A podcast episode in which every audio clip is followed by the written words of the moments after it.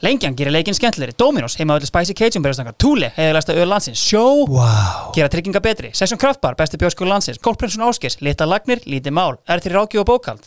Það er bara takk. Viðmælandi þáttar eins er góðsögn í íslenskum fótbolta. Hann var þekktur í hafnafyrði fyrir að vera sonur eins ástsælasta listamanns og handboltamarkmanns bæjarins en fór ungur að árum að klífa metodastega íþrótta í hafnafyrði.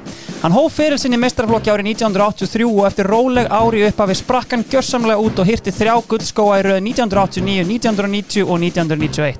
Hann hélt áfram að vera burðarstólpi í FH-liðin á tíundu áratögnum, spilaði landsleiki fyrir Íslandshönd, fór tvívegis í agabann fyrir viðbröð við því að vera skipt út af og fekk rautt spjátt fyrir að láta Kristinn Jakobsson heyra það. Hann hefur verið kjörinn íþróttamæður hafnafjörðar, hann ætlaði að vera lögfræðingur en varð íþróttafréttamæður og var á tímabili markaðasti leikmaður tveggja efstu deilda á Íslandi og er enn í dag einn markaðasti leikmaður efstu deilda frá upphafi. Góði gestir, FH fyrir Helga Rack, nei, FH fyrir Höttamak.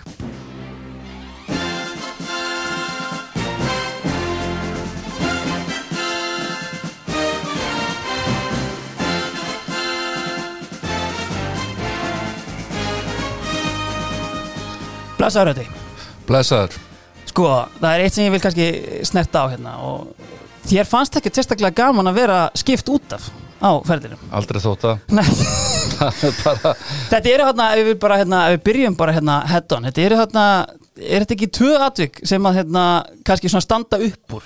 jú, eitt að kárallunum. Já, uh, uh, og hérna já kannski 2-3 það var eitt, eitt í byggarnum líka það var eitt í byggarnum en K.R. uh, dæmi var, var hérna mjög vandræðilegt því að sá sem kom inn á fyrir mig skoraði síðan og þú varst ennþá frekar ósáttur í viðtal eftir leik, þannig já, það ekki, já. jú, og hérna málið það að, að ég er settur í einslegs agabann hérna og, og hérna, þetta er 94 Já, og hérna um, já, já, ég var aðeins að ströggla þarna fyrir hluta 94 já, uh, fór svo í gang hérna setni hlutan Mhm. einmitt, en eh, hérna atvikið uh, í byggatum þá vorum við grindavikið mann rétt uh, 88 já, þá skildi ég sko eh, sparka í hurð eh, í búninskleifunum og Já. hérna var lengi takkafar í þessari hérna blessuðu hurð innan búningskleifa FH nei, það var Óli Jó sem að hérna var þá þjálfur Óli Jó og Helgi Ragg já, og síðan var þarna eitt með Pétur Olmslef já, ég maður já, rétt já, já, Hérna. jú, einmitt, nákvæmlega. en þannig að ég veit ekki hvort þú sett með eitthvað meira Nei, ég er ekki með fleiri en hérna kannski hérna hlustendur bara heyri í okkur ef þeir eru með eitthvað fleiri aðtök. Sko, ef við förum aðeins yfir hérna byrjum út á leikmennjóðunum. Við erum alltaf í samstarfi við uh, Session Kraftbar og þeir hafa svona verið að spyrja leikmenn út í svona eftirlæti staði leikmann alltaf að gera sér glaðan dag eftir erfiða æfingu eða sigurleik. Svona Session eru þetta heima á þetta knarsbyttumanna í miðbænum í dag. Er einhver svona staði sem að stendur upp úr frá þínum tíma? frá mínu tíma, einhverju staðir sko, að Hansen í Hafnahöri var, var svolítið þarna í, í, upp í, upp í hérna uh, upp í loftinu þar Já. uh, fjörukráin Já, einmitt. það var, það var og svo hérna svo gaugurinn, veist, í Reykjavík og Já, eitthvað svona sko einmitt. Þannig að þetta hefur bara verið létt yfir mönnum hann. Veist, fannstu fyrir því einhvern tíma, þetta er náttúrulega 20 ára tímabil sem þú ert að spila, þú veist.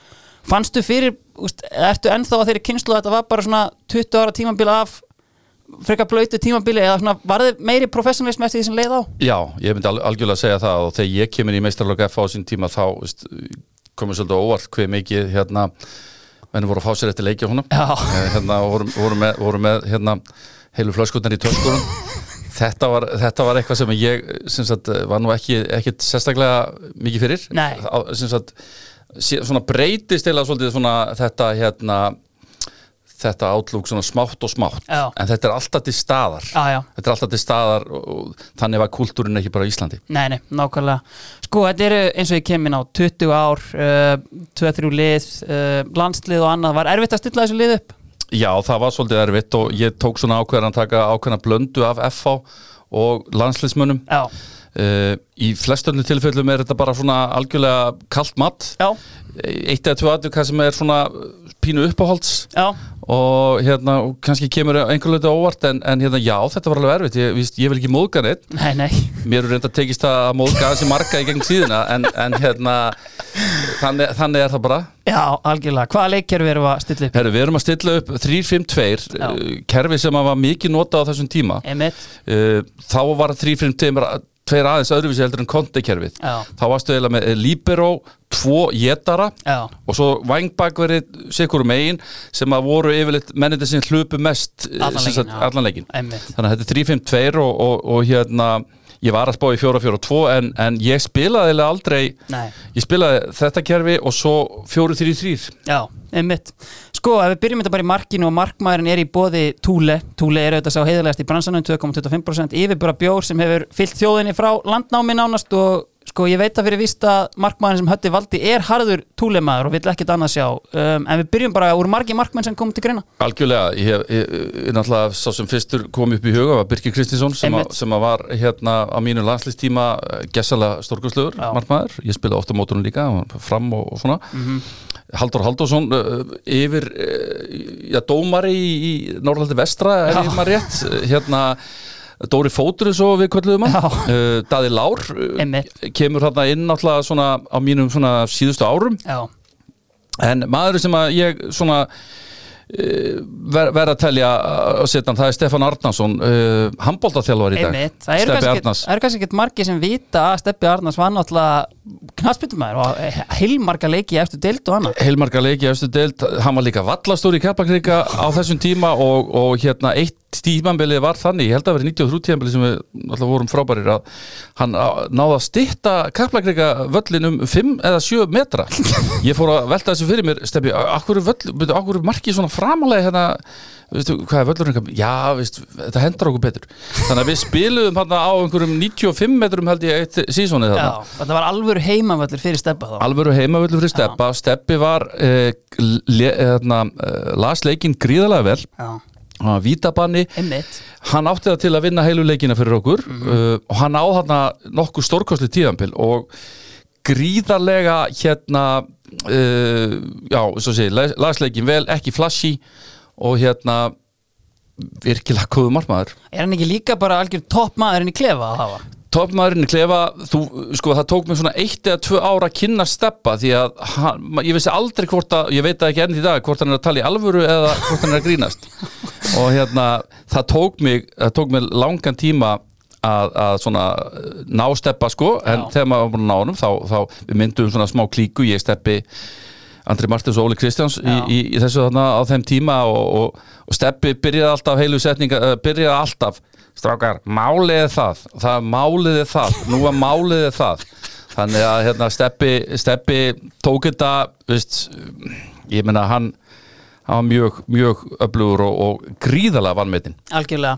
Komst aðeins inn á hérna, þú spila náttúrulega með hérna Daðalár, uh, Já. hérna þegar hann hérna, hvað er hann orðin, ég meina hann er sko, er hann 73 mótel, eða Já, það ekki Þannig að hann er kominn hérna og náttúrulega hérna, er einhvern veginn hérna, þú veist, síðan þessi máttarstólpi í hérna F á liðinu setna meir, þú veist, þegar átt að spila með honum kannski hérna í fyrstu deildinni, sástæðlega þetta var markmaður sem að hafi, þú veist, ég meina, hann á fullt af landsleikjum og annað, þú hann, veist, hann, eh, já, já, algjörlega og hann, það sem að, það sem að Daði hafði var, var náttúrulega gríðalegu skrokkur Já. og, og hérna læði mikið á sig duglegur strákur og, og hérna náði svona smátt og smátt að, að ná betri tökum á þessu Mhm.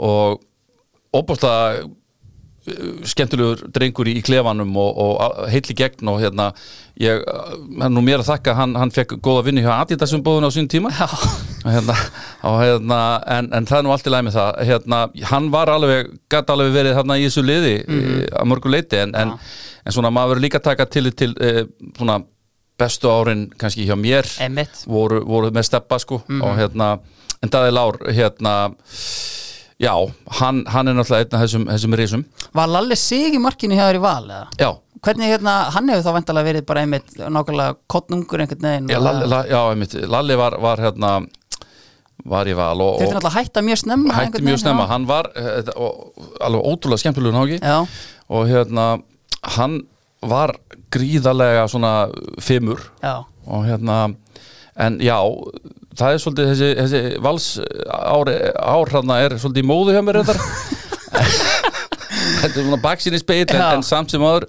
Lalli frábæð drengur og, og mikið af góðum drengjum þetta algjörlega En fyrir maður séu bara hérna ungan Hörð Magnússon, þú veist, varst alltaf stormcenter hérna með mörkiður í yngri flokkunum ég bara upp alla yngri flokkana ég held, held ég hafi byrjað í, í sjötta áloki þá var ég aftastur en var samt markaðistur og hérna þannig að en svona frá með fymta áloki þá spilaði ég alltaf fremst og endaði þar líka uh, skoraði upp alla yngri flokka við vorum ekkert alltaf með bestu yngri flokkana vissulega Er þið ekki að missa kannski þín kynslu sérstaklega mikið í handbóltan? Jú. Sem að, þú veist, náttúrulega þegar þú ert að koma inn í meistarlökin þá er FH væntanlega bara handbóltaklub Algjörlega, eh, fyrst og fremst og ég og einn annar uh, við ákvaðum að, að velja fótboltan því að Já. ég er alveg upp í, ham, í handboltanum alveg hjá að fá upp í 17 ára Pappiði náttúrulega handbóltamarkmaður Pabbi handboltamarkmaður, ég veist, va- var oft svona lukkupegi á bekknum hjá þeim hérna í gamla dag, Já. það gerir Hastins var og svona, Já. það er hann það gamall Já, og ég hérna er í bekk til dæmis með, með Gunnari Beintins væntalega næsta fórstjóra landsbítalans Já.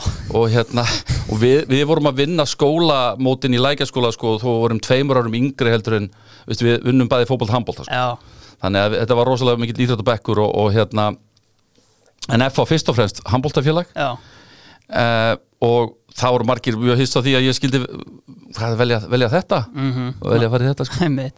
Sko kemur hann inn í hérna, meistarflokkin, er það ekki rétt sem er 83? Jú. Og hérna, þá er náttúrulega Ingi Björn að þjálfa, er það ekki? uh, 83 uh, nei sko, ja, sko málið það Janus Guðlaugsson, Já. doktor Janus Já. hann hættir hann á miður tíðanbili Já, og Albert Eymundsson og Leifur Helgason Já. Leipi Helga, þeir taka við liðinu og ég sem sagt er svona þarna kemin í síðustu leikina já, já, já, ok og, og hérna Ingibjörn kemur 84 84, Já. ok Þarna eru auðvitað að koma sko, þú veist, ákveðin svona góðsögn í íslenski knattspinnu inn þarna, sem sko, spilandi þjálfari og Mhm. mm veist, ég velti fyrir mér sko, þú veist, að vera í beinni samkeppni við spilandi þjálfara Er það ekki eitthvað sem getur tekið á? Eða, þú veist, svona, Mhm. Þa, það var mjög erfitt fyrir mig vegna þess að eins og þú segir, réttilega eh, veist, þetta er mesti markaskorur í íslenskum fótbolta Já. mér er alveg sama veist, þó að hann er ekki metið en þá en, en hann var ótrúlegur já, og hann var ekki eldast við neitt met hann setti bara ákveðin standard já, og hann var ennþá í fullu fjöru þarna og svo var ég líka að keppa á móti Pálma Jóns og Jón Elling Ragnars Já, já. þannig að við vorum mjög vel mannaðir í þessum stöðum þannig að ég var frekar pist lengi vel já, að að fá ekki fleiri sensa og, og þannig að auðvitað að þjálfarinn velur sér alltaf í liðið Mhm. já þannig að ég fekk kannski einn og einn leik en, en hérna ef að gekk illa þá fór ég alltaf út sko. Já, já, já Þa- þannig var þetta 84 60, þú veist ekki búin að skora Já, og, veist, og veist, ef að liðið tapaði þá fór ég út veist, Já. 84, 85, 86 eru mjög svipuð þannig 85 fyrir ég reyndar aðeins meira að byrja leiki Já, og 86 Einmitt, algjörlega. Herri, færum okkur bara upp í vörnina og hún er auðvitað í bóði Dominos sem, að hafi varið, eh, sem þeir hafa varið stöðu sína frá því að elstu menn munna og eru með Dominos 3 og er tvennu tilbúið og auðvitað uh, flagskipi sitt, Spicy Cajun bröðstanginnar. Sko, þetta er þryggja manna varnarlina, þú mátt eiginlega bara ráða hvað þú byrjar, hörður. Já, ég ætla að byrja á Ólafi Helga Kristjánsinni Einmitt, sem að var, var hérna byrja sem bakurur, byrja sem kantmaður eiginlega, en er bestur í þessari stöðu uh, í þryggjamanna vörn uh, frábær með boltan, langar góðar sendingar og okkar eh, svona samvinna var, var mjög góð á vinstri vagnum þannig að Óli uh, sterkur í klefa, sterkur leiðtói var fyrirliði lengi vel og, og hérna að því að hann náttúrulega þjálfari og annað í dag að, að þá kannski hefur a- aðeins gleymst að, að, heldur betur. að hérna, hann var líka brútal leikmaður, hann var kallaði ekki allt ömmu sína, Nei, þannig að hann var uh, verulega öflugur hann er auðvitað, þú veist, þessi í dag, því að þessi prófessor sem við köllum hann, þú veist, var hann strax byrjaður á því hérna, ég meina ég hef verið að fara yfir hérna í þátturinn mínum svona var sömarið og ég hef rekist á svona þessi prófessora einkenni í nokkrum viðtölum, var hann strax svona bara hérna frá fyrstu árum eða? allavega þannig að, að við töluðum bara um fótbolta Já, Það við, það var mikið talað og, og mikið pælt og, og hérna ég var að segja það, ég sá þetta samt alveg ég sá þetta ekki alveg Nei. þ- þannig, vegna þess að hann var lengi ætlaði sér lengi að vera lögfræðingur -hmm. en, en, en svona smátt og smátt þegar hann fyrir Danmörkur og, og hérna að þá, þá greinlega grípur þjálfarabæktirinn hans algjörlega Hver eru með honum í verðinni? með honum í vörninni eru tveir landslismenn Já. Mhm. uh, Óli Varendar spilaði nokkra landsliki en fyrst á verð ég að telja Guðna Bergson Einmitt. sem að hérna, er einhver erfiðasti varnamaður sem ég spilaði á móti Einmitt. en ég var náttúrulega mjög fegin að spila með honum í nokkrum landsleikjum uh, bæði gegn hérna, já, frægalegnum í Budapest Mhm. í Ungurlandi og á þessum tíma sem ég var í landsliðinu og Guðni var, var hafði, hafði það fram yfir marga aðra varnamenn hann var hrikalega fljótur Einmitt sko, þetta er einmitt svona leikmaður eins og kemur hérna, sem spilaðir kannski líka meiki á móti hérna í 80s boltanum, eh, áttunni eins og menn gárungandi myndi segja, mm hann er seldur hérna fyrir metfjöti tóttin hann 23 ára, er hann yfirbúra leikmaður í dildinni á þessum tíma? Algjörlega, sko, málið það þe- þessi valsvörð sem var þá, Þorgrymur Þráinsson Guðni Bergson, Sævar Jónsson þetta er, þetta er besta vörð sem ég hef spilað á móti, Já. Mhm. íslengu fótbolta á all, öllu mínu ferli, vissulega var ég ekki alveg komin í það stand sem ég haf, haf, var sé- síðar Nei, en allir voru þeir sko, kraftmiklir eh, Toggi og Guðni eldfljótir báðir einmitt og Sævar a- með stóru skrefin sín sko, þetta var veist, að lenda mótið þeim, ég, veist, ég skoraði ekki að mótið þessum gæjum í, í einhver ár sko. Já.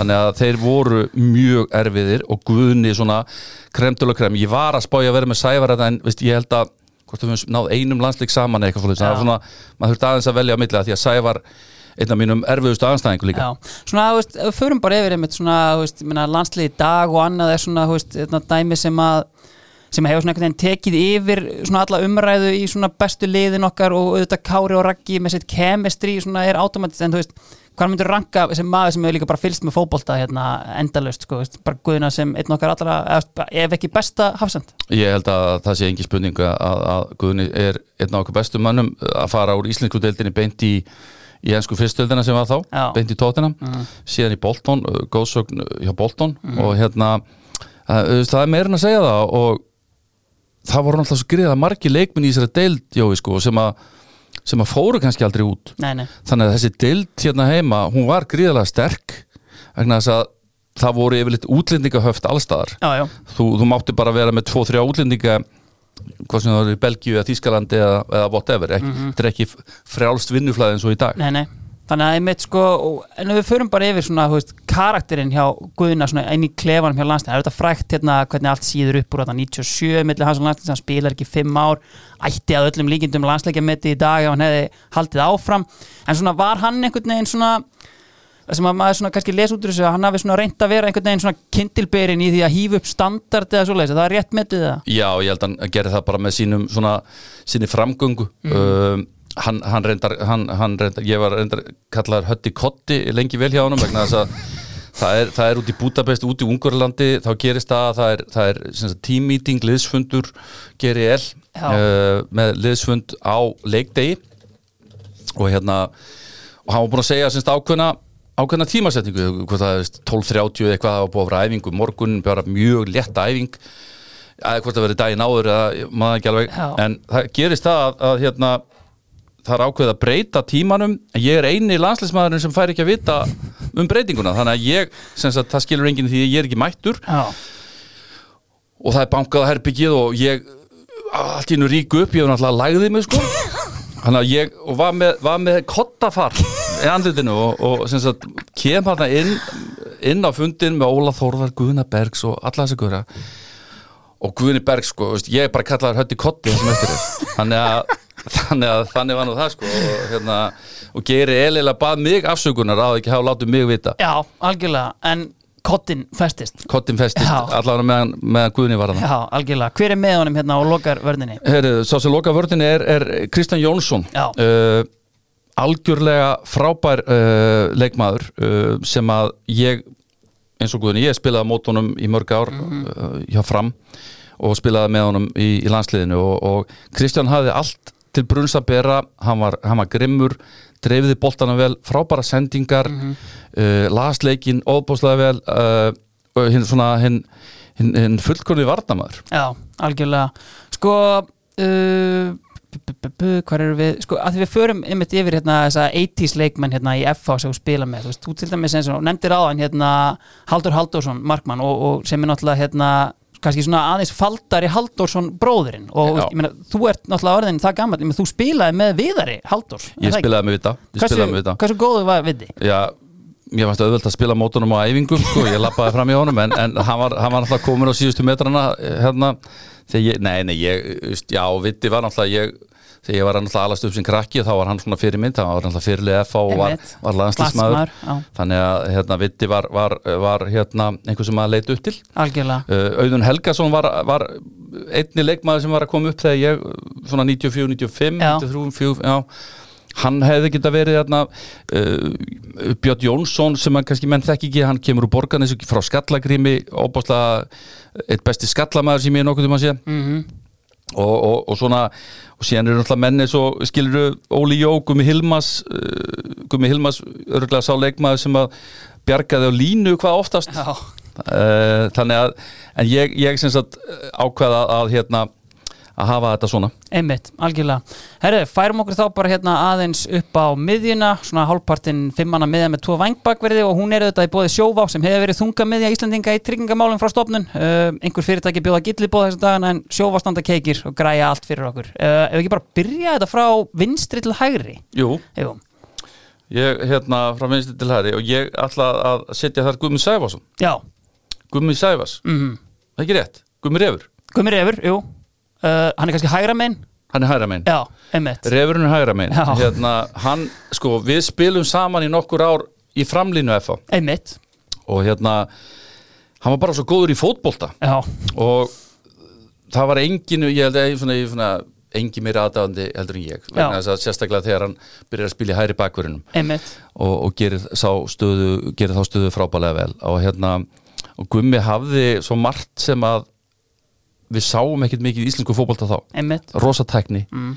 gæti tekið á móti bolta hvar, hvar sem er einhvern veginn og ég held að hann hafa aldrei trúað í einstinni hvað hann var góður Nei, ég held að það, það hafi verið svona pínu vandamál hjá hann lengi Einmitt Sko, ef við hoppum bara aðeins einmitt fram í tíman og, og tölum hérna um hérna, tíman sem þú spila með Gumma og veist, og kannski sérstaklega hérna 2000 Ég meina þá hérna, þá tekur Logi Ólafs í liðinu uh, búin að vera hérna nokkur ári í, í fyrstu deildinni að baksa og ég meina ef við byrjum bara, bara á því að þú veist, það hefur vantilega verið heldur betur létt yfir mönnum á æfingarsvæðinu með Loga sem aðalþjálfara og hérna, íslensku kennaran Leif Helgason hérna, sem aðstofþjálfara Ég meina, þe- þú veist, þessi menn náttúrulega tveir eru algjörir eh, æringjar og, og, og sko eh, hafa þekst síðan voru úlingar eh, þeir kláruðu setninga fyrir hvort annan Já. Mhm. og sögðu sögur fyrir hvort annan eh, og Leifur Helgason sko Já, hann, þetta er einhver fróðasti maður sem maður hefur kynst Já. og, og hérna, þannig að þetta var ótrúlega skemmtilegt ár 2000 Mhm.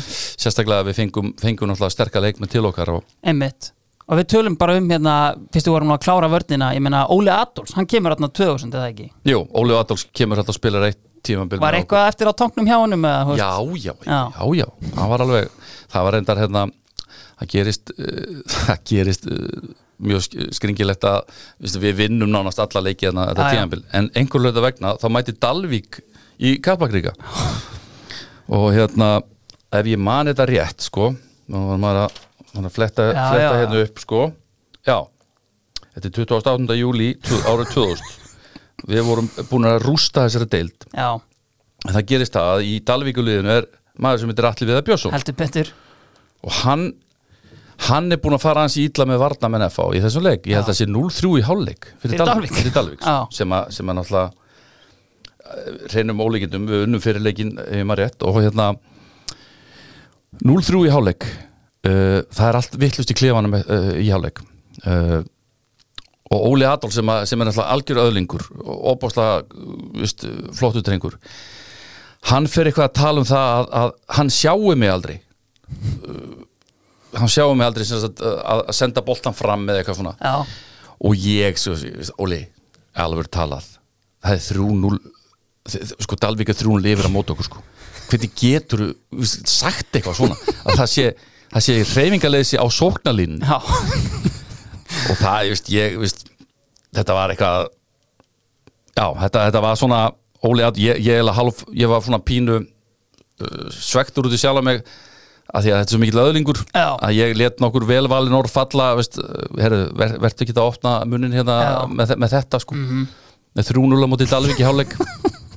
nei. En svona, þú veist, þarna einmitt svona, þú veist, eins og ég kom inn á, þú veist, búin að vera nálægt í að fara upp hérna í einhver ár, en síðan einmitt, þú veist, kemur Logi inn og, þú veist, hvað gerir hann? Jú, hann svona, þú veist, býr til bara í rauninni hryggjarstykki sem að ánáttúrulega kannski geta sjást í, í fyrstu dild, ég meina út með Nei. Daðalári Markinu, Já. Óla Adolfs, Já. Heimi Guðjóns og síðan Hötta Mag Já, Þú veist, jú. og þetta vantilega bara laði grunninn að þessu Jón Þorgumur Stefansson Já, og hérna, hann kemur hérna frá Val Já. uh, já ég meina þetta lið var eitt besta lið, Mhm. enda, enda síndi að 2001 þá erum við í þriðarsæti, mm -hmm. ég hef stelt uh, það sem að var sárgrætilegast á þessu tíðanbili var að þetta tapið á móti, bi- í byggjum á móti skam heldur betur já. sem var hérna ég hef svo sem aldrei fyrirgefið loga það að hafa tekið mig út af þegar tímundu voru eftir Nei, og Þá voru kannski við eitt- svoðið upp úr þá Nei, nei, það sögði ekkert upp úr, ég var bara svektur Já. En staðan var 1-0 fyrir okkur og við vorum búin að vera miklu betri Emmett Unni Arge jarnar beint úr hotspinnu Já, Yfir daða lár hérna, Og hérna Og það er sem sagt ö, ö, Í, í framlengingunni þá fáum við vítaspinnu Hallsteinn Arnason tekur vítaspinnuna og klikkar Við Já. töpum síðan í vítaspinnu kefni Og Fyrst, kannski- Fyrsta lagi hefði ég náttúrulega tekið vítið já, já, Og hérna, í öðru lagi þá hefði ég klára fyrirlin með byggarústalik já Það hefði einmitt svona, þú veist, að því að þú veist, getum kannski komið inn á það, ég meina, þú veist, þetta er ferill sem er þú veist, gríðalega flottur og, og skilur eftir sig, þú veist, flott einstaklingsframtök en, þú veist, það vantar kannski málum það vantar málum og það, það er bara þannig og þú, þú verður líka að líta á það þannig að herðu, just, ég var í FH ég var ekki í val fram skaganum, KR, ég var ekki í þessum vanalegu risaliðum Já, uh, það getur alveg komið á móti ég hefði alveg getað farið í eitthvað af þessum liðum, klárlega fekk tækifæri til þess en ég, ég er svona eiginlega meira svektur árið, ja, ég segi það nú ekki en ég var mjög sár hérna 2000 já, hvernig, hvernig við mistum byggarústaleikin úr höndunum Emmett og hérna, það hefði verið en það, þetta átti bara ekki fyrir mér að liggja sko. Nei, og þú veist náttúrulega bara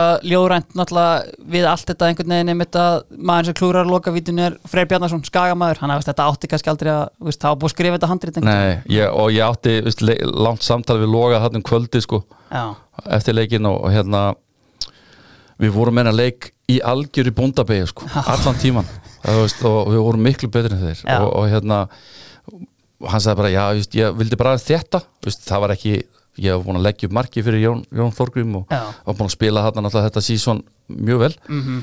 þannig að, að þetta var svo bitur þetta var, þetta var svo biturt sko já þetta var svo biturt Kemur hann inn á uh, Jón Þorgrím sem er náttúrulega hérna hattiklisverður leikmaður fyrir margar sakir og þú veist, ég, ég get alveg ímyndað mér að það hafi kannski einhvern tíman svoðið upp úr ykkar á milli er það, þú veist, það eru tveir karakterar hérna að mætast og var það einhvern tíman hérna eitthvað hérna issue eða bara flottir félagar? eiginlega ekki vegna þess að sko ég, ég hafði kynst Jóni aðeins á undan hann var að vinna í boltamanninum og laugaveginum Já.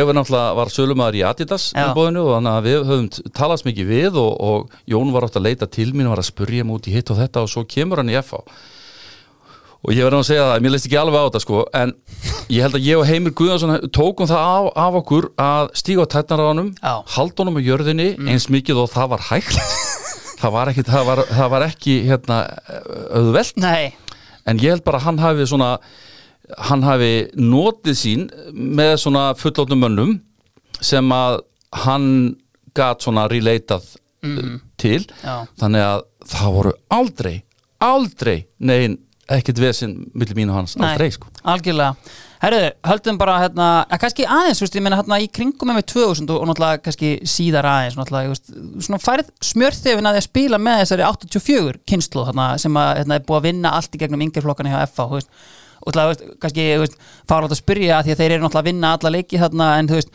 sástu strax, þú veist, er, þetta getur verið liði sem að, hérna, getur komið okkur upp í hæstu hæðir Uh, klárlega vegna þess að að 96, 1996 þá þjálfaði ég þá í fimmtalöki uh, þjálfaði þá eitt ár, þeir eru Íslandsmeistarar Mhm. þá er sem sagt Davíð og Viðarsson fyrirliði þá var allir guðna, þá var ég með hann aftast Já. hann var aftastur, uh, Sverri Garðarsson var uh, Emil Hallfriðsson ég hafði hann í bjöliðinu, hann gaf aldrei boltan og hérna Sævar stjórnufræðingur uh, Sævar Braga, hann Já. var í vörðin líka uh, Tommy, Í aðliðinu, Sævar ég var, já, Já. mjög öflugur Já, það gleymist Já, klálega, hérna, gleymist og, einmitt. og við, sem sagt, við verðum Íslandsmeistarar, við vinnum Mm. fjölni og hérna e, þeir koma hann inn, ég næja að spila hann með Davíð og Hannesi Mhm. Hannes Þ, já. Mhm. Hannes Þ, hann var reyndar ekki, já, hann var aðeins eldri Já, einar eldri en þeir held Já, ég, já, já.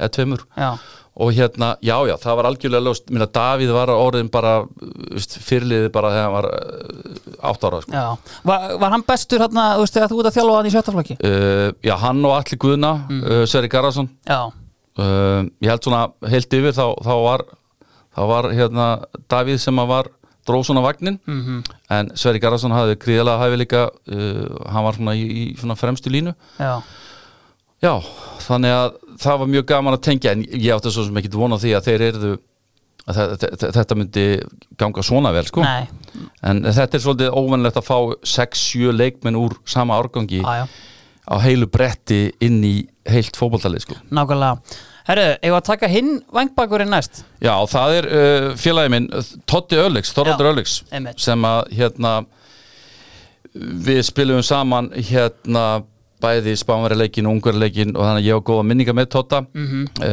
hann var ekki allra og ég er ekki allra en uh, þegar þú hefur kynstónum eins og ég hef kynstónum uh, þá hérna og, en burst ég frá svona kalt mat þá myndi ég líklega hafa Totta í öllum bestu landsliðum Íslands vegna þess að hann er svo leikmaður sem fer úr káa hann fer beint í byrjunarliði hjá Brian Clough hjá Nottingham Forest Einmitt.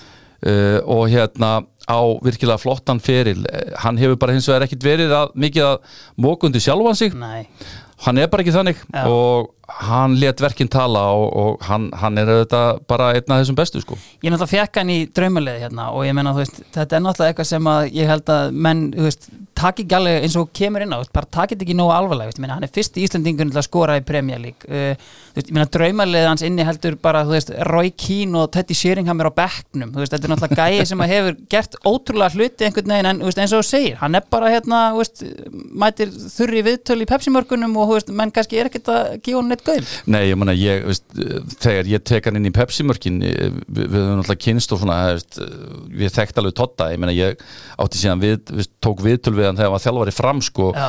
og, og ég man eftir í viðtal í kriganum að þá, þá sagði hann, sko, já, þú lítur að hafa verið mjög ánægð með þetta að F.A. vann á vítaspinn í lokin og ég lauk viðtalinu bara og veist, þetta er bara Totti Já, og einmitt. hérna, veist, um, en, en hann, hann var eins og segi, hann er algjörlega skilið að vera í þessu liðu og, og hérna uh, magnaðu kappi sko Algjörlega. Sko, uh, eftir að Ingi Björn hérna, hættir með liðið, þá kemur inn, hérna, er það ekki rétt hjá mér, uh, skotin Ian Fleming, Ian Fleming uh, þó ekki James Bond reyndtöfundurinn, en hérna, þú veist, hver var svona kynnin að honum? Hann er líka spilandi þjálfari. hann er líka spilandi þjálfari í, Fleming hafði spilað með, með hérna, Steve Archibald sem að spilaði bæði með Tottenham og Barcelona Einmitt. Eh, þeir voru í framlínu Dundee eh, United eða Aberdeen, ég man það ekki Já. alveg en hann er fengið þarna F.A. hafði yfirleitt verið með voru búin að vera með skoska þjálfara í gegnum tíðina Já. og, og skosku þjálfara sem komum upp í fyrst skipti og eitthvað svona tengingu við Skotland mjög stert Já, og það var þannig að þetta sumar að þá vinnum við saman í byggingavinnu, ég og, og Fleming Já. og fó- við vorum bara miklir höfðingjar, miklir vinir og miklir félagar hann valdi mér hins vegar bara aldrei í byrjanliði aldrei uh, og ég eiginlega gerði pínu grína kallinum sko Nú. og var ekki með nóg gott touch sko, Já. elef, elephant touch og allt þetta sko síðan var þetta fýtt náingi sko en og var með hérna Morgan Kane bækur í, í staðan fyrir legglívar sko Já. Veist, en hann var alveg að svona grjótarðasta skoska skólanum sem að þú getur nokkuð tíma fundið hörkuleikmaður, Já. Mhm. spilaði sem aftastur en sem þjálfari ekki, gefur hann ekki háa einhvern hann er með ykkur 87. er það hann er með ekki? okkur þið 87 þegar, við- fallið. þegar við föllum sko, og ég er raun og veru ég er valla í hóp hann fyrstu tvo mánuðina eða eitthvað sko Já. kemst ég ekki svona bekkin sko Nei. þannig að hérna, en þá einmitt þá, það er fyrsta og eina skiptið þarna sem að ég bara íhugaði bara hvort ég hvort það verið rétt að íþrótum fyrir mig sko Já, já, já, einmitt. Og síðan eftir hann þá eh, er komið að hérna, Óla Jó í fyrsta skipti sem þjálfari hérna, FH og Já. hérna, henn og aftur spilandi þjálfari. Já. Uh, sko ég hef heyrt, held ég eitthvað viðtal við, ég vona ég sé ekki að leggja þér orði í munn, en að sko Óli Jó hafi kannski komið með smá ferskan blæ inn í FH að því leitið að kannski ríkt einhver svona pappapólitík og, eða svona þess áttar, er það hérna rétt með því hjá mér eða? Það er alveg hár rétt hjá þér Já. Mm. og, og hérna algjörlega spot on uh, það hefði vikingið svona ein, einhvers konar pappapólitík engin spurningu það og, Já. og hérna með honum var auðvitað uh, Helgi Heitin Ragnarsson Já.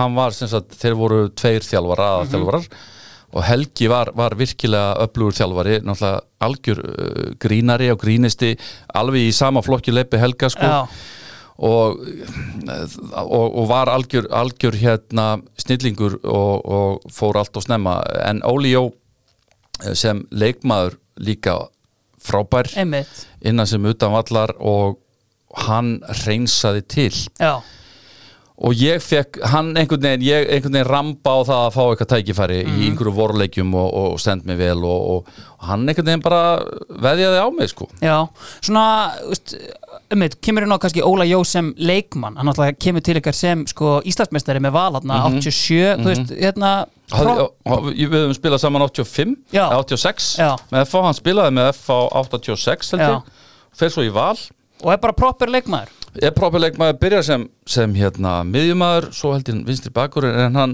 eh, spilaði hjá okkur sem aftasti maður Mm. Þið fljúið náttúrulega upp úr hérna eh, gömlu annari dildinni hérna 88 hvernig þetta er- þetta er nálægt einhverju stigamiti Já, eða já. svoleiðis og ekkert mál og ég meina tímabilið sem fylgir á eftir eru þetta líginni líkast. Þið Mhm. eru nánast bara hérna ef ég setja rétt sko með sama hóp og hérna úst, í rauninni kannski spáfalli bara nánast ef ég man rétt og hérna og eru bara með titilin í höndunum bara þangað til að hérna Totti hrifsar hann að þér hérna í, í loka umferðinni. já, og hann var í leikbanni sko Já, uh, já, þetta er náttúrulega tíðanbli sem að sem að náttúrulega er, er með hreinum ólíkindum og við höfum auðvitað orðið fyrsta liði til að verða að koma upp og verða Íslandsmeistarar Já. Skæin uh, gerði það síðan hérna 92 -hmm.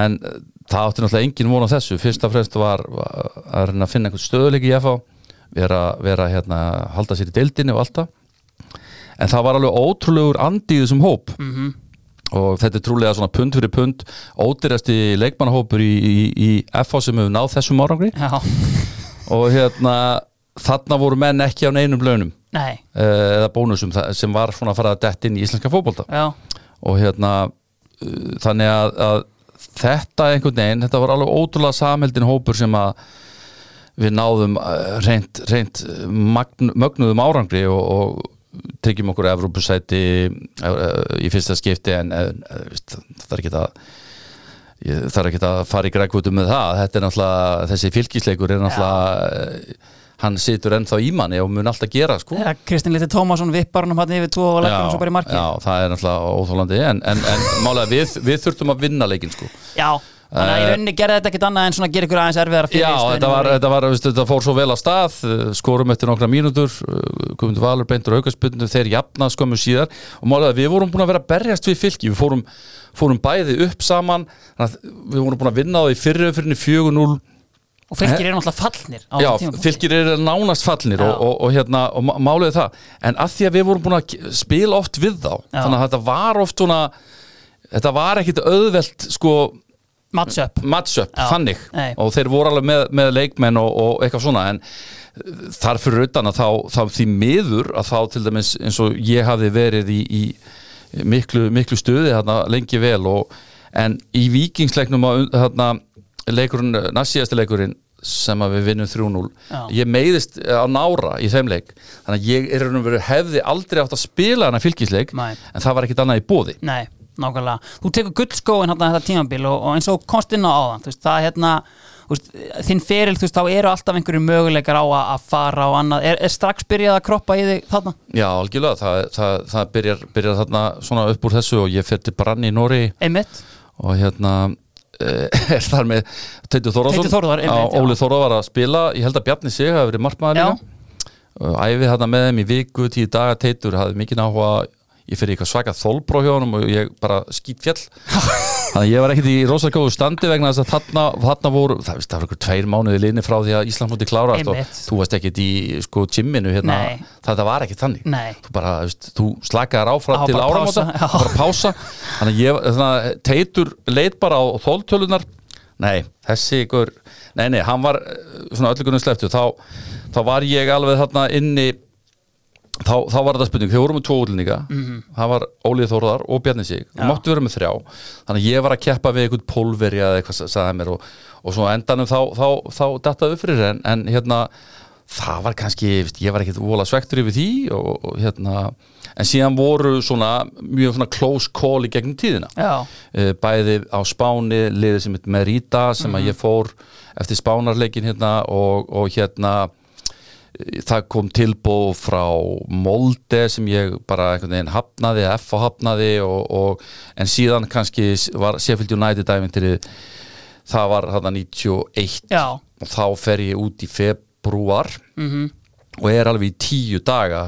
æfum með aðaliðinu og spila tvo varaleisleiki þegar Dave Bassett er með á Já, og þarna eru menn eins og Brian Dean og Vinnie Jones Já. í klefanum það er nú, ég er nú örglega sagt í frá því áður að ég, ég kem inn í klefan og ég lít og menn líta bara á mig hver, hver er þessi ykkur, hvað er hann að gera hérna, hver er þetta og ég er svona einhvern veginn bara hvar á ég að setja hvar á ég að hvar er snægin minn Já. og það er einhverju sem benda mér á, á farðu hann að snaga hann í hotninu það er ekkert, hann er, hann er, ó- hann er, ekki, hann er laus Heru, ok, a- ekkert mál með það æfingin klárast ég kem inn í búningslefan engin fött fötti mín eru horfin og ég bara líti í kringum mig og, og það er náttúrulega allir hlæjandi já, þá var þetta náttúrulega slægin, uh, snægin hans Vinnie Jones og Vinnie Jones hafði segja, sett fötum mín í rusla tunnu og sagði mate, if you do this again I'll kill you og hann var ekki að grínast hann var ekki að grínast En hversu svona góður var hérna Vinnie Jones, þú veist, í fótbolta? hann gæti ekkit Nei, hann gæti ekkit í fótballta Jói þegar, veist, ég alveg tala það, veist, hann, hann, veist, þetta var ekkit það var, það var hérna við vorum með einn eða tvo góða leikmenn það Já. Mhm. var Brian Marwood ég spilaði með honum í hérna varalegsleik og svo var Brian Dínana Mhm. þetta var bara þetta var, veist, en þetta var ríkala fysikal einmitt en ég var í mjög góðu standi hérna og, og Bassett segir við mig eftir tíu dagana uh, ok, við erum ekki tilbúinir að gera eh, samning við þið núna en við myndum vilja ég er með, ég er með tengsl við eitthvað lið í Svíþjótt ég man aldrei bara upp á þennan dag hvaða lið það var Já, ertu tilbúin að fara þangað og spila einhverja mánuði og, og svo tökum við við- ég sagði bara nei, ég ætla, ég ætla að koma mér heim sko. ég, Já. bara, og þarna, ég var með aldrei með neitt umbósmann sko meni þannig að, að hérna og meiri segja að ég spila hérna varalegsleik á City Ground hérna á móti Totta Já, þá spilaði að Totti varalegsleikur og þannig að að þe- þetta, þetta var mjög skemmtilegu tími og, og hérna, þetta er frægu tími vegna þess að þegar ég er út í Sheffield þá, þetta, er- þetta eru dagarnir þar sem að Kenny Dalglish segir af sig sem, sem þjálfari Liverpool já, alveg Þannig að maður var svolítið í hringuðinni hérna og og það var gaman að, gaman að kynast þessu og ég held að árið setna þá er Premier League sem sagt, Einmitt. þetta er síðasta Já. tíðanbilið Einmitt, passar. Sko, árin sem fylgja í kjölfarið einhvern veginn eftir 89 tímabilundu stjórn Óla Jó, þú veist, þinga í leikmannahópnum eða þú veist, svona frekar unspektakular einhvern veginn. fáum, fáum hérna, já, ég, sko Óli Jó meiðist, þannig að hann er ekkert með okkur 1990 Já, um, en við spilum Evrópuleiki og, og svona en, en já, það, það var, það var hérna umbreyða tíðanbili en, en fengum Andra Martins, hann kom, kom hann til okkar en annars kannski styrtum við hópin ekki nægilega mikið mhm. En, þú veist, förum í það, sko, þú veist, þú eigðir bróðupartinum hérna af, sko, ferlinum nánast, sko, þú veist, með spílandi þjálfara, þú veist, uh, síðan kynnistu því bara kannski fyrst, þú veist, þegar, hvað, Hörður Hilmars tekur við að það sé ekki spílandi þjálfari, þú veist, var mikil, þú veist, fannstu mikla breytingu á því einhvern veginn að vera bara með þjálfara en ekki einhvern sem er líka inn á vellinum? Já, það var, það, það, það er góða punktur Já. vegna þess að ég hefði náttúrulega verið með Inga Björn spilandi þjálfara og, og síðan Óla Jó og síðan hérna Flemmingin náttúrulega? síðan Flemmingin og svo var Njalli Eðis Já. kom hann líka og Njalli var eitthvað að spila líka Já. sko. en já, þ- og, og ég verð að segja það alveg svo er að, að ég kann nú betur við að menn séu bara í, í einu starfi Algjörlega. Herru, færum okkur bara hérna upp á miðina. Þetta eru þrý miðmenn og mátt bara ráða hvernig þú tekur fyrst. Tökum Rúnar Kristinsson fyrst Já. uh, Rúnar uh, náttúrulega var á sínum besta, besta árum þarna með landsliðinu þegar ég var og, Já. og, og, hérna uh, einn af fáum leikmönum sem að stóð upp í hárun á bestu leikmönum anstæðingana sko Mhm. uh, hvort sem það var móti Spáni eða Ungverjum eða uh, og, og ég bara gæti ekki sleppt Rúnari Nei. Kannski svona sama og með sko Guðna Bergs þarna. Ég meina, Rúnar fer náttúrulega bara 26 ára gamall út, þú veist, akkurat langbæstur í Íslandi þá eða? Já. Já. Já, og hérna en var náttúrulega í þessu káurdæmi sem að sem að var náttúrulega bara svona ég, alls ekki aðhlátusefni en það vil, vil, vildi náttúrulega enginn að káur er í meistari sko. Nei, nei. en þetta var á þessum tíma þeir voru oft með geggjulið sko. Já, já. en þeir náðu aldrei að komast í gegnum það Nei. ekki, ekki, fyrir, ekki fyrir síðar sko. Nei. Sko, þessi ég var svona aðeins hérna að grilla með hann. Ég meina, þetta er guldskór 89, þetta er guldskór 90 og guldskór 91. Og ef við komum bara inn á það, náttúrulega, þú veist, liðin hjá FH 90 og 91 eru náttúrulega eiginlega ekkert til að tala um. Þannig að, þú veist, mikið afreg að taka guldskóin í þessu liði. Þú veist, og hérna, við erum búin að fara yfir svona, hérna, hvað okkar skert erlendis, en svona heima? Var það bara K.R. sem var að ringja? Eða þú veist, öll liðin einhvern veginn? það var, það var KR uh, og uh, Valur Já. uh, ég fer, sí- fer síðan í Val en, en valsmenn hefðu verið búin að reyna áður Já. áður en ég fer Mhm. og hérna það var á þeim tíma sem að Hörður Hilmas fer og tekur við Val Já, Mhm. já. eftir FA tíman og hérna það voru svona aðalega þessi, þessi tvölu breyðablik einhvern tíman mann ég uh, en, en nei, ekkert, ekkert uh, st- það, það Káur náttúrulega var mjög, svona, það var mjög, ég var mjög nálætt í það á sín Já. tíma Er þetta svona, þú veist, mitt svona, þú veist, að fara í K.R. virðist einhvern veginn, það virðist allir hata K.R. þangar til að ringja einhvern veginn, þú veist, hvað, þú veist, hvað er púlið sem að K.R. hefur sem meiri sig að létt höttamak hugsa sig um? tvisarum? Ætla sé ekki, ég, ég held að sé ætla sé ekki sagan sko Já. ég, ég held að, og þeir hafa, þeir hafa eh, trýta söguna sína vel og hérna ég hef aldrei verið í þessum hóp, K.R. Hattarhóp Já, uh, að ég, marg, margir góðu vinir mínir eru K.R.ingar Já. fyrir um leikmenn K.R.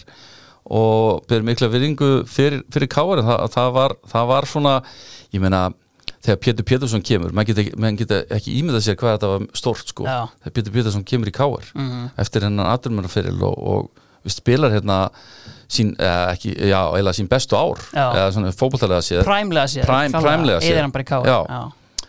og það var náttúrulega með ólíkitum sko, allir heitir Eðvalds, það var Rúni Kristins Heimi, Guðjón Stormóður, Egils Já. það er náttúrulega með ólíkitum að þeir skildi ekki vera meistar Nei, það er það, var, ótrúlegt. kann- það var kannski, ég held að sé bara kannski þetta, þetta er svona svipað syndrom og Liverpool gekk í gegnum og United er ekki í gegnum núna það er þessi saga sem er svo gigantísk Mhm. og eftir því sem að frá líður þe- þeim er erfiðar að vera Já, þú veist, þetta er náttúrulega, þú veist, kannski erfitt að tala um hérna annað fólk sko allt svoleiðis en þú veist, náttúrulega góði félaginir og ég meina tveiri liðin og annað, þú veist, þessi 69 kynnslóð, þú veist, getur ímyndað að þetta hafi verið, þú veist, einhvern veginn ótrúleg byrði, bara, þú veist, mennirnir í stúkunni og, og allt svoleiðis bara sem fylgdi því að, þú veist, þið eruð mennirnir sem eigið að klára þetta fyrir okkur. Já, ég held að sé algjörlega og ég, ég sko, veist, af því að ég eh, er í ákvörnum hópi með eh, hluta af 69 kynslóðinni að ég náttúrulega var alltaf að uh, fýblast í þeim sko. Þetta sé eitthvað ofmetnasta ofmetnasti árgangur allra tíma og uh, þurftu að fá hérna, Arna Gunnlaugs og Bjarka Gunnlaugs og Já. til, að, til að koma til að menna, Rúni var fór út og veist, Heimir var, var sendur eitthvað Já. og hérna þannig að þetta voru bara einhverja aðkomi menn sem að náði að og þegar ég byrja á þessu veist það, jó, ég, sko, just, ég teki þetta með þess að við móða sko. Já, og ég reyndar sko, veist, ég bakkaði svona fljótt út úr því að sá alveg að þegar Þormóður Egilson verður reyður að þá, þá, en, en þetta var svona þetta var svona grín já, algjörlega. Herðu, uh, hver er við með næst á miðunni? Herðu, auðvitað ekki, að- auðvitað ekki að vaða að þeir eru að tala um káar vöðum í, í Heimir Guðjóns Já, heldur betur. HG, Big HG Já. uh, kemur uh, til okkar hausti 99 Já. ég hafði hitt hann á lokahófinu og ég sagði við hann ég tekta hann ekkert mikið og sagði Heimir veist, þú verður bara að koma til okkar Já, ég hef með tilbúin að frá stjörn, stjörninni sagði ég, veist, ha, ha, það er algjör nærbúsnaklúbur Herðu, þó þessi efstu deildir munu falla komdu til okkar, hann náttúrulega kom til okkar Og það reyndist hár rétt. hjá það þér, reyndist Pétur. hárétt og hann hefur ekki séð eftir því Nei. Þe- og það var gaman, eh, svona skemmtilegu tími vegna þess að ég var mikið að keira heimir því að þá var hann svona þá var hann að taka bílprófið, það var eitthvað hann 30 sko, hann, hann, hann tók bílprófið hans sem seint sko en hérna, hann var búinn að segja við mig þetta var, þetta átti að vera síðast ári mitt og hann var búinn að peppa mig það mikið að- að ég trúði því að ég geti skora bara 50 mörg eða eitthvað, Já, þannig að það var óbóðslega gaman að fá hann já. og hérna inn í, inn í, inn í FH En þetta er einmitt sko, einmitt, þú setur hérna 20 mörg í átjónleikjum mm. í, í fyrstu dildinni uh, þú ert að, þetta er þetta sko rosalega skemmtilegu listi af mönnum sem eru markaðastu menn hérna þetta árið, þú ert- þú ert í baráttin átta við sumarlega átna og síðan náttúrulega alla viðar sem held ykkur í Kaplakrika og auðvitað Arnur Guðjónsson Þú veist, þetta er, þetta er náttúrulega þú veist, t- þannig sé sterk fyrsta deild sem að þið í rauninni pakki saman hérna, og leggji grunninn að, hérna, að í rauninni því sem koma skildi Já, það er eh, sko þessi útvötnin sem hefur orðið með fjölgun liða uh, að því að tíu liða dæmið er, er svo brútal sko Já, og hérna þannig að þú hérna þannig að það eru sko þegar þegar- þegar þú ert að fjölga svona þá, þá er fjölgun þú ert að veikja eiginlega alla dildir -hmm. með því að fjölga, þú ert að fá meira meðal mennsku leikjum já, en þarna var það, það svo sannlega ekki hérna uppi og, og hérna þetta, víst, ég hefði getað skorað líklega 28 mörg ég hérna var, var hérna líklega í mínu besta standi í einhver 2-3 ár sko, Já. þannig að og það var líka við við byrjuðum að æfa eins og menn aftur ég byrjaði að æfa, vorum sexinum í viku ég og Loga, Já. Logi var brútal hérna þó hann sé góðlegur Já, þá var hann brútal, hann er svona taskmaster já, döðans og þetta 1913 hérna hjá honum veist, ég, ég veit það ekki, ég var, ég var allan í það góðu formi að ég len- lendi í því þarna um veturinn að að það fellur saman hann lunga hjá mér já, og ég er þarna og það gerist eftir æfingu þar sem ég hafði klárað æfinguna og eitthvað langklaup og svo liftingar ég, sag, ég var búin að segja við Loga þarna fyrir æfinguna Logi, ég er nú eitthvað ég er svona eitthvað, eitthvað hálf slappur, ég veit ekki hvað þetta er en ég ætla samt að, að, að vera með já. Já, en viltu ekki bara taka samt ef ef þú ert eitthvað slapp? Nei, sagði ég, þetta er, þetta er ekkert maður, þetta er bara einhver, einhver pest og ég er náttúrulega bara ný niður hérna í, í hérna, líkansvöldastöðunni hress og ég bara sendi mig sjúkrabíl sko og ég, þannig að þetta er, eitthvað, þetta er nokkrum, nokkrum vikum fyrir mót og náttúrulega ég var í einhverju fimm dag á sjúkrahúsi með þetta pumpa bæði lungun og þetta var svolítið helgirins mál ég var, en ég hafði þá dottið eitthvað illa á bakið og það komið eitthvað smá gata á, á lunga, eða veist, þetta var meira en að segja það Já. að því að líka hérna, þólið og annað það þurfti að ég þurfti að vinna með það aftur upp sko, því að ég fór bara núlpunkt nánast Mhm. En eins og, þú veist, förum bara aftur í heimi Ég menn, hann kemur þarna, ég myndi eins og segir haustið 99 og þá er þetta svona, þú veist, ég menna hérna, eins og þú kannski aðeins snertir þú veist, KR búið að vera svona smá aðhlátusefni að því leita þeir bara geti ekki unnið og heimir kannski svona einn af posterboys fyrir það, hann fer upp á Skaga lið sem er búið að vinna endalaust næri ekki að vinna þar Ég meina, á- áður hafa hann alltaf farið í Íslandsmeistar að káa ekki náða að vinna þar Þú veist, hvernig, hvernig persóna og leikmaður er að mæta þarna upp í Kaplakrika Þú veist, beigður maður eða þú veist, mér fannst, mér fannst að hann, hann, hann mætir þarna uh, með öruglega, ég, ve- ég veit ekki hvaða væntingar já en mér fannst hann einhvern veginn frá day one leggja sig í verkefnið alveg 100% og ég held að við, við allir sem vorum hann í kringum þetta við einhvern veginn náðum að vorum, uh, veist, þetta var góð aldursamsetning Já. það voru þessi ungu strákar sem voru að koma upp og svo voru svona reynslukappar eins og ég og Heimir Mhm. Já, Óli Adolfs og, og, og, og hérna, Hallsteinn Arnason já, Guðmi Sæfas þannig að við vorum svona þetta var geggjuð samsetning Mhm. og við náttúrulega bara heimir, heimir kemur með ákveði vin, vinnara attitút já hann gerir það, Þrátt fyrir að hafa ekki dunnið þráttur að hafa ekki dunni Já. það er, nefnilega, það er náttúrulega kannski þessi eiliða spurningjói sko. Já. uh, sko, hvor er betri leikmaður hérna, Steven Gerrard eða Paul Scholes Eh, Veist, það er endalus umræða menna Gerrard vann aldrei titilinn sko Mhm. hann var, hann var erumestari henni, ok en Scholes vann eitthvað 8 titla, 10 titla whatever, já, einmitt þannig að þetta er alltaf þau eilífa debatt sko Þú veist, ef að, ef að hérna, maður hefur farið þarna eða þarna, allt Já, já. þetta en, en bursið frá því, heimur klárlega vinnir Mhm. bara vinnir og uh, Mér finnst það líka svolítið sjást í því sko að, þú veist, ef maður skoða bara myndir úr hérna mokkunum og annað, þú veist, ég menna, þú veist, bara svona yfir fyrirlans heimis. Mér finnst hann eiginlega verið í sínu besta standi, bara 33 ára í FH. Algjörlega, og hann, hann og ég, ég náttúrulega ég hætti hann 2001 sko Já. og, og, og það, var, það var svona einhver pyrringur á milli hans og Sigga Jóns Já. á þessum tíma, það var pyrringur Já. Siggi Jóns aðaþjálfur og þeir, það, þeir, það var ekki gott á milli þeirra Mhm. en, en Siggi sem sagt, hættir þarna og, og, og síðan tekur hérna uh, Óli Jófið Já. og ég held bara að, að með því að fá Óla Jó inn eh, fyrir þessa stráka og fyrir heimi sérstaklega þau bara áttu skap saman og, og hérna einhvern veginn náðu að, að fýta af hver öðrum Mm Talandi um það, þegar var ljúka síðasta manninu minn á miðunni. ég get ekki sleppt þessum manni Nei. Uh, þetta er strákur sem að er jafngamall og ég uh, við vorum saman á laugavatni á sín tíma, við vorum 12 ára Já. á einhverjum, einhverjum úrtökuæfingum með Lala Lofts það var einn, einn hverju liði og allir sama, uh, hvaðan af að landinu Einmitt. og ég var í sama herbyggi og þessi maður, Siggi Jóns Já. Við spilum líka saman í Faxaflóa úrvalinu eh, sem var, sem var lið sem var sett saman af Ríkari Jónssoni, góðsögninni við spilum nokkra leiki við Reykjavíkur úrvalið þetta var svona og Siggi Jónsson satt, er einhvern veginn veist, hann er þarna við, ég gat bara ekki sleppt honum, við spilum nokkra landsleiki saman hann var náttúrulega bakinn á mér allan tíman hann, ég hafði engin, engin leikmaður skammað mig jafn mikið og ég bara, ok, Siggi minn ok, ég, veist, ég, veist, ma- ég leit svo ég, veist, þó var ég jafn gamlur og allt þetta Já. að þá er þetta er besti leikmann sem ég hef séð eh, 16-17 ára Já. hann er einhvern veginn ennþá eh, veist, hann er einhvern veginn ennþá í mínum huga sá besti sko í, í, í 16-17 ára líka kemur inn á þetta, þú veist, þeir eru jafn gamlir og annað en þú veist, ég meina, Siggi er farin að vera hérna, bara leikilmaður og hérna, vinnandi titla einmitt og, og spilandi landsleiki 16 ára og þú veist bara hérna þú veist, þetta er sennilega þú veist, ég meina, við getum nefnt Sigurstein Gíslason sem á hérna, flesta Íslandsmeistara titla og annað en þú veist, Sigur Jónsson þú veist, spilar ekki tímabil á Íslandi án þess að vinna titil Nei, og það er líka svo magnað að hann kemur náttúrulega í FH sko Já, emmitt hann kemur í FH og- Logi hefur sagt, sko, við hefum voru Íslandsmeistarar ef Siggi hefur já, verið ég held ég get alveg tekið undir það Já.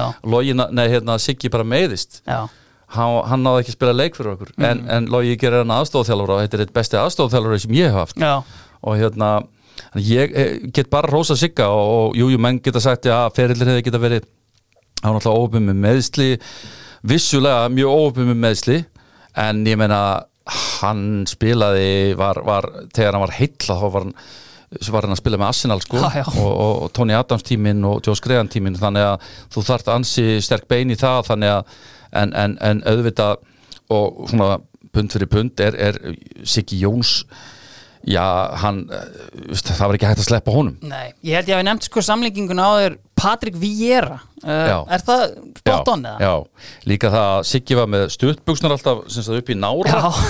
og hann notaði heilan olíubrúsa hérna, fyrir leiki til að hérna, s- setja sig á lærin Já, og hérna var alltaf í speklinum svona svolítið fyrir leik sko að nikla vöðana og, og svona sko þannig að hann, veistu það, hann var, skipti engum máli hvað anstæðingurinn hétt veistu, ég er miklu betri Já. það er attitúti, ég veistu, ég er betri en allir þessi Nei. hverjar og í mörgum tilfellum var hann það sko já, einmitt, þú veist, búin að koma inn á hérna þessa landsleiki hérna eins og bara hérna spánarleikurinn sem að, þú veist, sá hann alltaf sjálfsögð ekki en þú veist, Nei. þú- þú finnur klippa hann á YouTube og verðist vera svona vintage Sigga Jónsleikurinn leggur þetta upp mark fyrir Totta með ótrúleiri sendingu ásíðan sendinguna þú veist, með vinstri inn á í- fyrir setnamarkið, þú veist, ef við förum bara yfir kannski aðeins landslýsfyrirlin hjá þér uh, Fyrsti landsleikurinn á móti Bermuda, er það ekki Bó Jóhansson? Það er Bó Jóhansson og, og, og sá hópur er valinn af einhverju landslýstnefnd sko. Já, já, Mhm. já. því að Bó, þetta var fyrstu verkefnin hans þannig að ég er valinn hérna og, og fer á Bermuda uh, kem inn á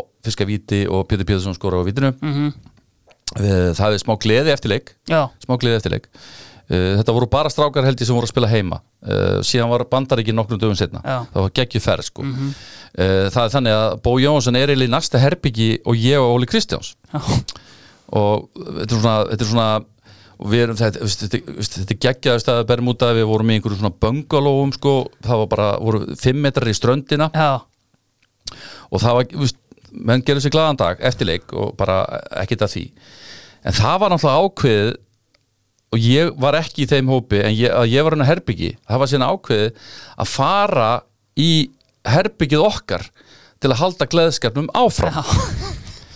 sem að uh, já og, og hérna og þarna voru menn í gleðskap nokkuð fram eftir nóttu já. síðan gerist það að, að ég svona er að reyna að halda þarna sönsum og, og veist, gerð mig grein fyrir það við vorum að, ég var að missa þetta úr höndunum hérna menn, menn voru þarna menn voru svona mjög glaðir Já, og ég og það er náttúrulega mínibar á herbygginu sko, mínibar tróðfullur já, sem að er náttúrulega bara tæmdur þessi mín er bara tæmdur og það er þannig að svo undir svona ja, það er langt liðið á nóttina við getum orðað það þannig það er opið eh, hurðin og ég, ég ná að drösla öllum út já, Veist, ég, ég var, var svona uh, ég var svolítið leðilegurinn Voice of Reason Voice já. of Reason og, og veist, vissi það að þetta var ekki alveg í lægi Nei. sem var að gera sinna sko og ég fer í þá umdeldu ákvörun og fer að setja sem sagt, tek hérna miniatúruna flöskunar Já, og er að fara að se- eh, sem sagt, setja vatn í þar já, þannig að ég, veist, og ég er svona að halda á fullt af flöskum inn á, inn á, inn á klósitið já hver kemur þá? Það er Bó Jóhansson landslýstjálfarinn, þá var hann alltaf vaknað við þessu læti Já. og segir við með þessa frægu setningu Hörður, enough is enough Ok, ok, enough is enough Ok, Já. ég sk- okay. Vist, ég, ég, vist, ég, var, ég, ég var góð í gæðin þetta sko En hann held náttúrulega að ég var bara, skilur, ég var bara að klára mín ættir við mikið vandamál að stríða Já, ætti þarna mikið bara. Já. vandamál að stríða Já. Og það gerist það, hvað gerist síðan í bandarækjaleiknum? Já, það eru tveir leikmenn sem koma ekki inn á í þeim leik Hörður Magnússon og Ólafur Kristjánsson ég gerði ekkert nema að reyna að halda svönsum en Bó Jóhansson valdi mér náttúrulega aldrei í landslið sko. Mæ, eftir þetta já, ég meina, ég fekk þá skýringu síðar Já, þú túlkaður það ekki á þeim tíma einhvern veginn að það væri ekki á þeim tíma, Nei. vegna þess að ég var náttúrulega bara saklus Veist, ég, ég var ekkert á neinu skilur, veist, ég, ég var bara hann í róliheitunum kom einhverju gæjar hann á diskotekinu og, og, og hertaka herbyggi mitt og þetta og, veist, og, hérna, en, en veist, þessi setning enough is enough er, Já. er hérna já, uh, hún er búin að vera hún var notuð mikið Já, algjörlega. Síðan kemur náttúrulega Geiri El og ég meina þarna ertu hérna ráðandinn gullskóm og annað og þá færðu náttúrulega sjansa eins og ég meina þú spilar hérna spánarleikin, spilar nokkra æfingarleiki og, og náttúrulega svo er það hápunkturinn vantalega í, í Budapest. já, einmitt uh, Geiri velum með hann í hennan fyrsta fræga landslýsópsin Já, og það sem hann hendir út náttúrulega nokkrum uh, svona máttastólpum og, og tekur inn hálft framlið já, sem að var svolítið umdelt pínu umdelt Já. og, og hérna valsara voru ekki Nei. ánæður mann ég og, og hérna setur Pétur Ónslif í svíberinn og, Einmitt. og hérna en við spilum og ég kem inn á hérna síðustu 20 held ég Mm. og á þátt í öðru markinu ég næði svona einhvern veginn að stjaka við Súbísa Reta og átti rosalega sterka innkomu í, í þennan leik og Geiri hafði alltaf rosa trúa mér já. og ég fann það alltaf og, og hérna, það var reynd ó, ótrúlega góð þetta var ótrúlega góð framistæða hjá, hjá liðinu því að þetta voru náttúrulega bara leikmenn spænska landslýsins Barcelona Real Madrid já, leikmenn já, sko. Manolo Sanchez og Michel og Já, hérna, já, algjörlega sko. já, og, og ég, ég man alltaf fyrirsögnuna í spænsku pressunni, það var eitthvað horroroso bara, það var eitthvað svona ræðilegt og, og ég, það, það var svo skemmtilegt að, að hérna engun að gefa verið spænsku blaðana ég, ég var, með, þeim- ég var hæst, með, með hæstu engunna ásamt nokkrum öðrum í landslefinu, Sigga Já. Mhm. Jóns og, og að því að innkoman var var nokkuð sterk og hérna og það, þaðan kemur þetta með rítadæmi og Já, já, já. Santiago Caniceres var með 21 áslagsliðinu, hann hefur samband við mig hann hafði verið semst, með 21 ársliðinu Já, hjá, hjá Spáverum og s- var markmaður með Rita á þessum tíma Ok. okay. fer síðan til Valencia og Real Madrid já, já, og hérna misti síðan af HM fyrir að misti, Missti rakspír á tánna sér. rakspír Já. á tánna sig en hérna Hvernig að- hefur hann samband, hringd hann bara heimtíðin eða? já, veist, ég, veistu það, já, ég, þetta voru svo skrítin tímar þetta voru svo allt aðri tímar Já, að hann hringdi bara í landlína sko já, sæll hörður. uh, hello, svona bjagar ennsku sko. Já, þá var hann held ég eini í þessu félagi sem að tala ennsku sko. þannig að hérna þannig að, og, og ég sagði, herrðu, wait, I have to wait uh, þetta var eftir leikinn og ég var búin að vera eitthvað meittur og, en ég fer síðan þetta út sko -hmm. en þessi Mhm. hvernig Mhm. var, hvernig, uh, grípa, hvernig var það svona level einhvern veginn og þú veist, ég meina búin að fara vantala til Sheffield á þeim tíma og, Já. og svona einmitt til hérna, brann og annað, þú veist, var Já. þetta allt annar fótbolti einhvern veginn? allt annað fótboltið, þetta, þetta var miðjuspáni þetta var, það var gríðalega heitt hana Já, ekki alveg fyrir H&M sko með, með hvítu fótleikina sína og hérna en ég spila þarna einhverja ég spila þarna einhvern eh, æfingaleik og, og það er einhver tveir spænskir umbósmenn Já. sem að, sem að voru með mér þarna og Halldóri Hensson var eitthvað að hjálpa mér eitthvað, Mhm. eitthvað svona hafi, hafi og þegar ég yfirgef með Rita þá er ég eiginlega bara með munlega samkomula síðan gerist það að, að og ég veit ekki hvað gerist síðan uh, hvort að FH hafi haft einhverja sett allt á mikinn vermið á mig Já. ég hef aldrei fengið skýring á því og ég var pínu pist sko Já. vegna þess að þetta var, það voru umtalsverðar upphæði sem hafa búið að, að svona að svona munlegt, munlegt samkomulega sko er þetta liðið efstu til þetta? þetta var liðið í næsta eftir deild Já. Mhm. á þessum tíma en þeir voru svona að banka á, á La Liga, ég heldur að hafa aldrei náði sko Nei. og ég heldur sé núna í, veist, ég hef ekki fyrst þriðið að fjóruð deild eða eitthvað, ég veit það ekki sko. En einmitt sko, Geiri El, þú veist, mm hérna, ég hef aldrei fengið mann hérna sem talar illa um, um hérna, Geira El og hérna, þú veist, einhvern veginn svona oft verið tendur við hérna, frumkvöla starfsem og annað, tengiliðir í bakverði og, og hérna, hinn er ímsu menn í, í líberó hlutverkunum, þú veist, bara geggjaði gæja að spila fyrir það. Já, aðeinslegur, hérna sagði ekkert alltaf mikið var alltaf, alltaf með í reyt Já. á landslisæðingum og hérna náðu nokkrum kloppum á Þorvald Ölliks sem, að, sem að fannst þetta ekki fyndið en Geiri var svona bara hann var djúp, uh, svona, uh, djúpt hugsi hann hugsaði marga leiki fram í tíman hann var með útfæstur á, á þessari 3-5-2 Einmitt, með líbyró eða svíber hann vildi hafa hraðamenn hann setur Andra Martins í bakvörð Einmitt. hann hefur hraðamenn í bakvörðastöðunum og veist, hann er bara langt á undan sinni samtíð Já. og, og hann, hann er raun og veru minna, íslenska landslið ég ætla að Gauði Þóra takki síðan við Geira sko Já. en, en það var ekki fyrir en að, að hérna, það var ekki fyrir en að Lars Lagerbäck að Ísland nær að slá út uh, styrkleikalista metið á, hjá FIFA, hjá landsliðinu Mhm. sem að Geiri var, þegar Geiri var með það Algjörlega. Hvað hérna, hver við förum bara hérna aðeins þá yfir í hérna valstímaðin. Uh, til fallið þarna, að byrjum þetta á einu. Já. Ég meina eftir að njátt leðsson er með lið hérna, sem hálgeru spilandi þjálfari, þá kemur eins og við komum inn á uh, Hörður Hilmarsatnin og, og náttúrulega við taka bara frábær tvö ár. Mhm. Já. Hvað svona hérna, var mikið sem breytist með hans tilkomu eða bara svona funduði fjólinn aftur frá 89 eða hvernig blæsir þetta við þér? Já, ég held að þetta hafi verið svona begja blans, uh, Hörður kemur hann inn uh, hafði þjálfa held ég á breyðabliki Einmitt, passar. UBK uh, og hérna ég hafði kynstónum aðeins og hann var náttúrulega mikill vinur Þóris Heitins Jónssonar sem Já. var náttúrulega formaður, þeir unnu saman hjá Úru Lútsín og hérna hann var kennari og, og hérna hann bara er svolítið, hugsar út fyrir bóksið hann er svona, hann er ekkert langt frá Geira El, það kemur að því hann, hann var svona hugsandi fótbolti hann hefði verið, hann stóð með Ian Ross og, og, og eitthvað svona og sérstaklega fyrra árið, 93 árið er, er bara eh, við náðum, hvað, ekki 40 stig Mm -hmm.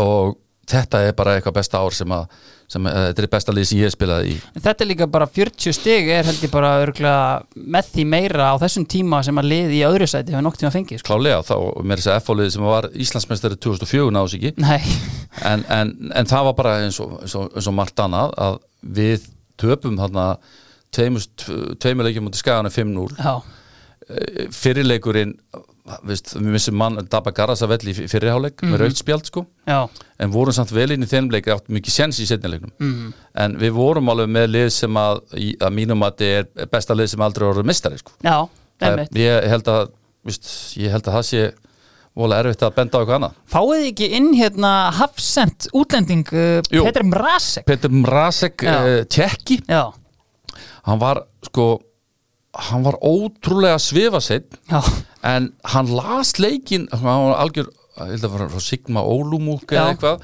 en hann las leikin alveg stórkostlega sko. já, hann, var, hann var síðastur í öllum hlaupum og öllum sprettum og öllu sko en hann, hann leit út eins og million dollars og einhvern veginn passaði hann vel inn í þessa hugmyndafræði hjá okkur því að hann fer í val og, og gerir lítið þar sko einmitt, gekk ekkert og kemur aftur í kemur, FH. aft, kemur, kemur aftur þá, þá var hann ennþá setjast og, og svo hérna er Andri Martins, Jónelin kemur aftur Já. sko. og uh, Elskaði hérna, að skora mútið Káar elskar Kormundi K.R. og við einhvern veginn bara smátt og smátt Vist, við, við pæl, pældi því, jói við byrjum á 0-5 tapi á heima á öllum undir skaganum Já, leikur 2 í vikinni á móti liðinu sem að tapaði síðan 10-0 eða eitthvað, Já, þarna já. viking 0-0, já, þetta eru fyrstu tvei leikinnir já, og vorum með 0, st- eitt stig 0 mörg já, endur með 40 stig já þannig að sem er einmitt kannski sko algjör andstæða við hérna tímabili 95 þá er Óli Jó kominn aftur Ég meina, þá byrjiði þurr með bara sjösti eftir þrjá leiki eitthvað svoleiðis og, Já, já. og síðan kemur hérna bara einhver ótrúleg hrýna af töp það, það, það, það var einhver þetta er einhver skrítnasta förulegasta tíðanbíl ég, ég held bara að við, margir það voru orðnir þreyttur okkur öðrum já, uh, andin var farin uh, félagið var í einhverjum fjárrakskrökum Mhm. -hmm. það var einhverjum allt á sömu bókina lært og hérna Óli Jó bara hættir Já. Uh, hann, hann bara gefst eila upp Já. sko. og Ingibjörn kemur hann í síðustu leikina við náttúrulega föllum hann með, með einhverjum 15-16 stig og Já. Mhm. vorum eila löngu fellnir eftir þessa frábæri byrjun en, en hann 94 árið sem að var hann á milli að, að þá náttúrulega náum við að stabilisera okkur enn frekar og Algjörlega. erum í hörðri baráttu við skagan allan tíman einmitt eigum er þess að möguleika í lokaðanfyrinni en, en hérna, en þá vantaði okkur svona heslumun, við gerðum aðeins svo mikið að jafnteflum og kannski einhver leiti þá, þá hérna vantaði aðeins mér í kjark eh, fannst mér í sumum leikjum í sérstaklega í fyrri lutanum þar sem að ákveði maður reyndar lendi í agabanni einu sinni og, og svona sko og, og var, var ekki að skora alveg nóg mikið já. en einmitt á þeim tíma hérna, þá hérna þá einmitt kemur líka upp svona hérna, þú veist, þú ferðarni viðtalarna eftir hérna þennan káarleika sem að þið samt vinnið en, en hörður er ekki ennþá alveg sáttur og hérna, og þá kemur aftur upp svona, heyrðu, þú veist, á ég að fara er það rétt hjá mér það? Já, þetta var bara samt, veist, ég, var, ég var reyður, ég var svo reyður sko veist, Jó, ég, veist, ég sé- sá svo eftir þessu viðtali sko Já, og hérna, ég var svo, ég var svo reyður sko.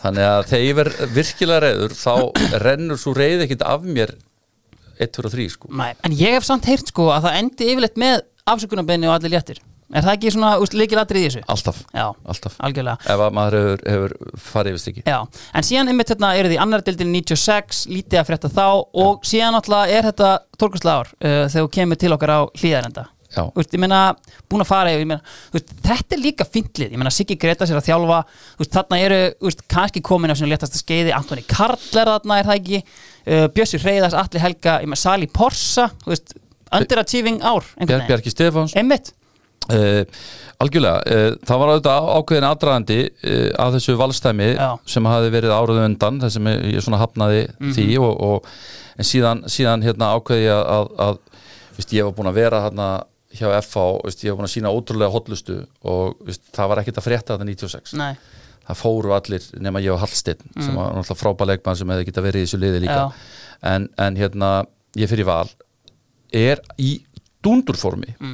uh, fyrir til Portugal í æfingaferð uh, þar sem að ég er bara ég hafði ekki verið í jafngóðu formi öruglega í einhver ár en ég meiðist mjög illa í, í æfingarleik lenda á mjöðminni og er bara með einhvern blóðpoka í einhverja vikur svona blóðpoki sem að var, var og þau þurftu að tappa blóðið að mér tvisa sinnum og ég einhvern veginn, ég missi allt niður, allt þólið, allt sem var búin að ég er gangi, ég næ aldrei að- ég næ aldrei í skottið að mér aftur já, og hérna jújú, jú, það komu þarna leikir og leikir sem, sem voru ágætir sko, en ég náði aldrei aftur eins mikið og ég reyndi, eins mikið og ég vildi að, að það bara einhvern veginn gekk ekki upp og ég meiri segja að ég, ég hafði áhuga að vera áfram en það var ekki áhuga því þá þá var endur formanni nei, þannig að, að þá vildu menn fara einhver aðra leið og, og lági átna koma hann inn og, en, en síðan alltaf byrjar, byrjar hérna, uh, downfall af af valur Já.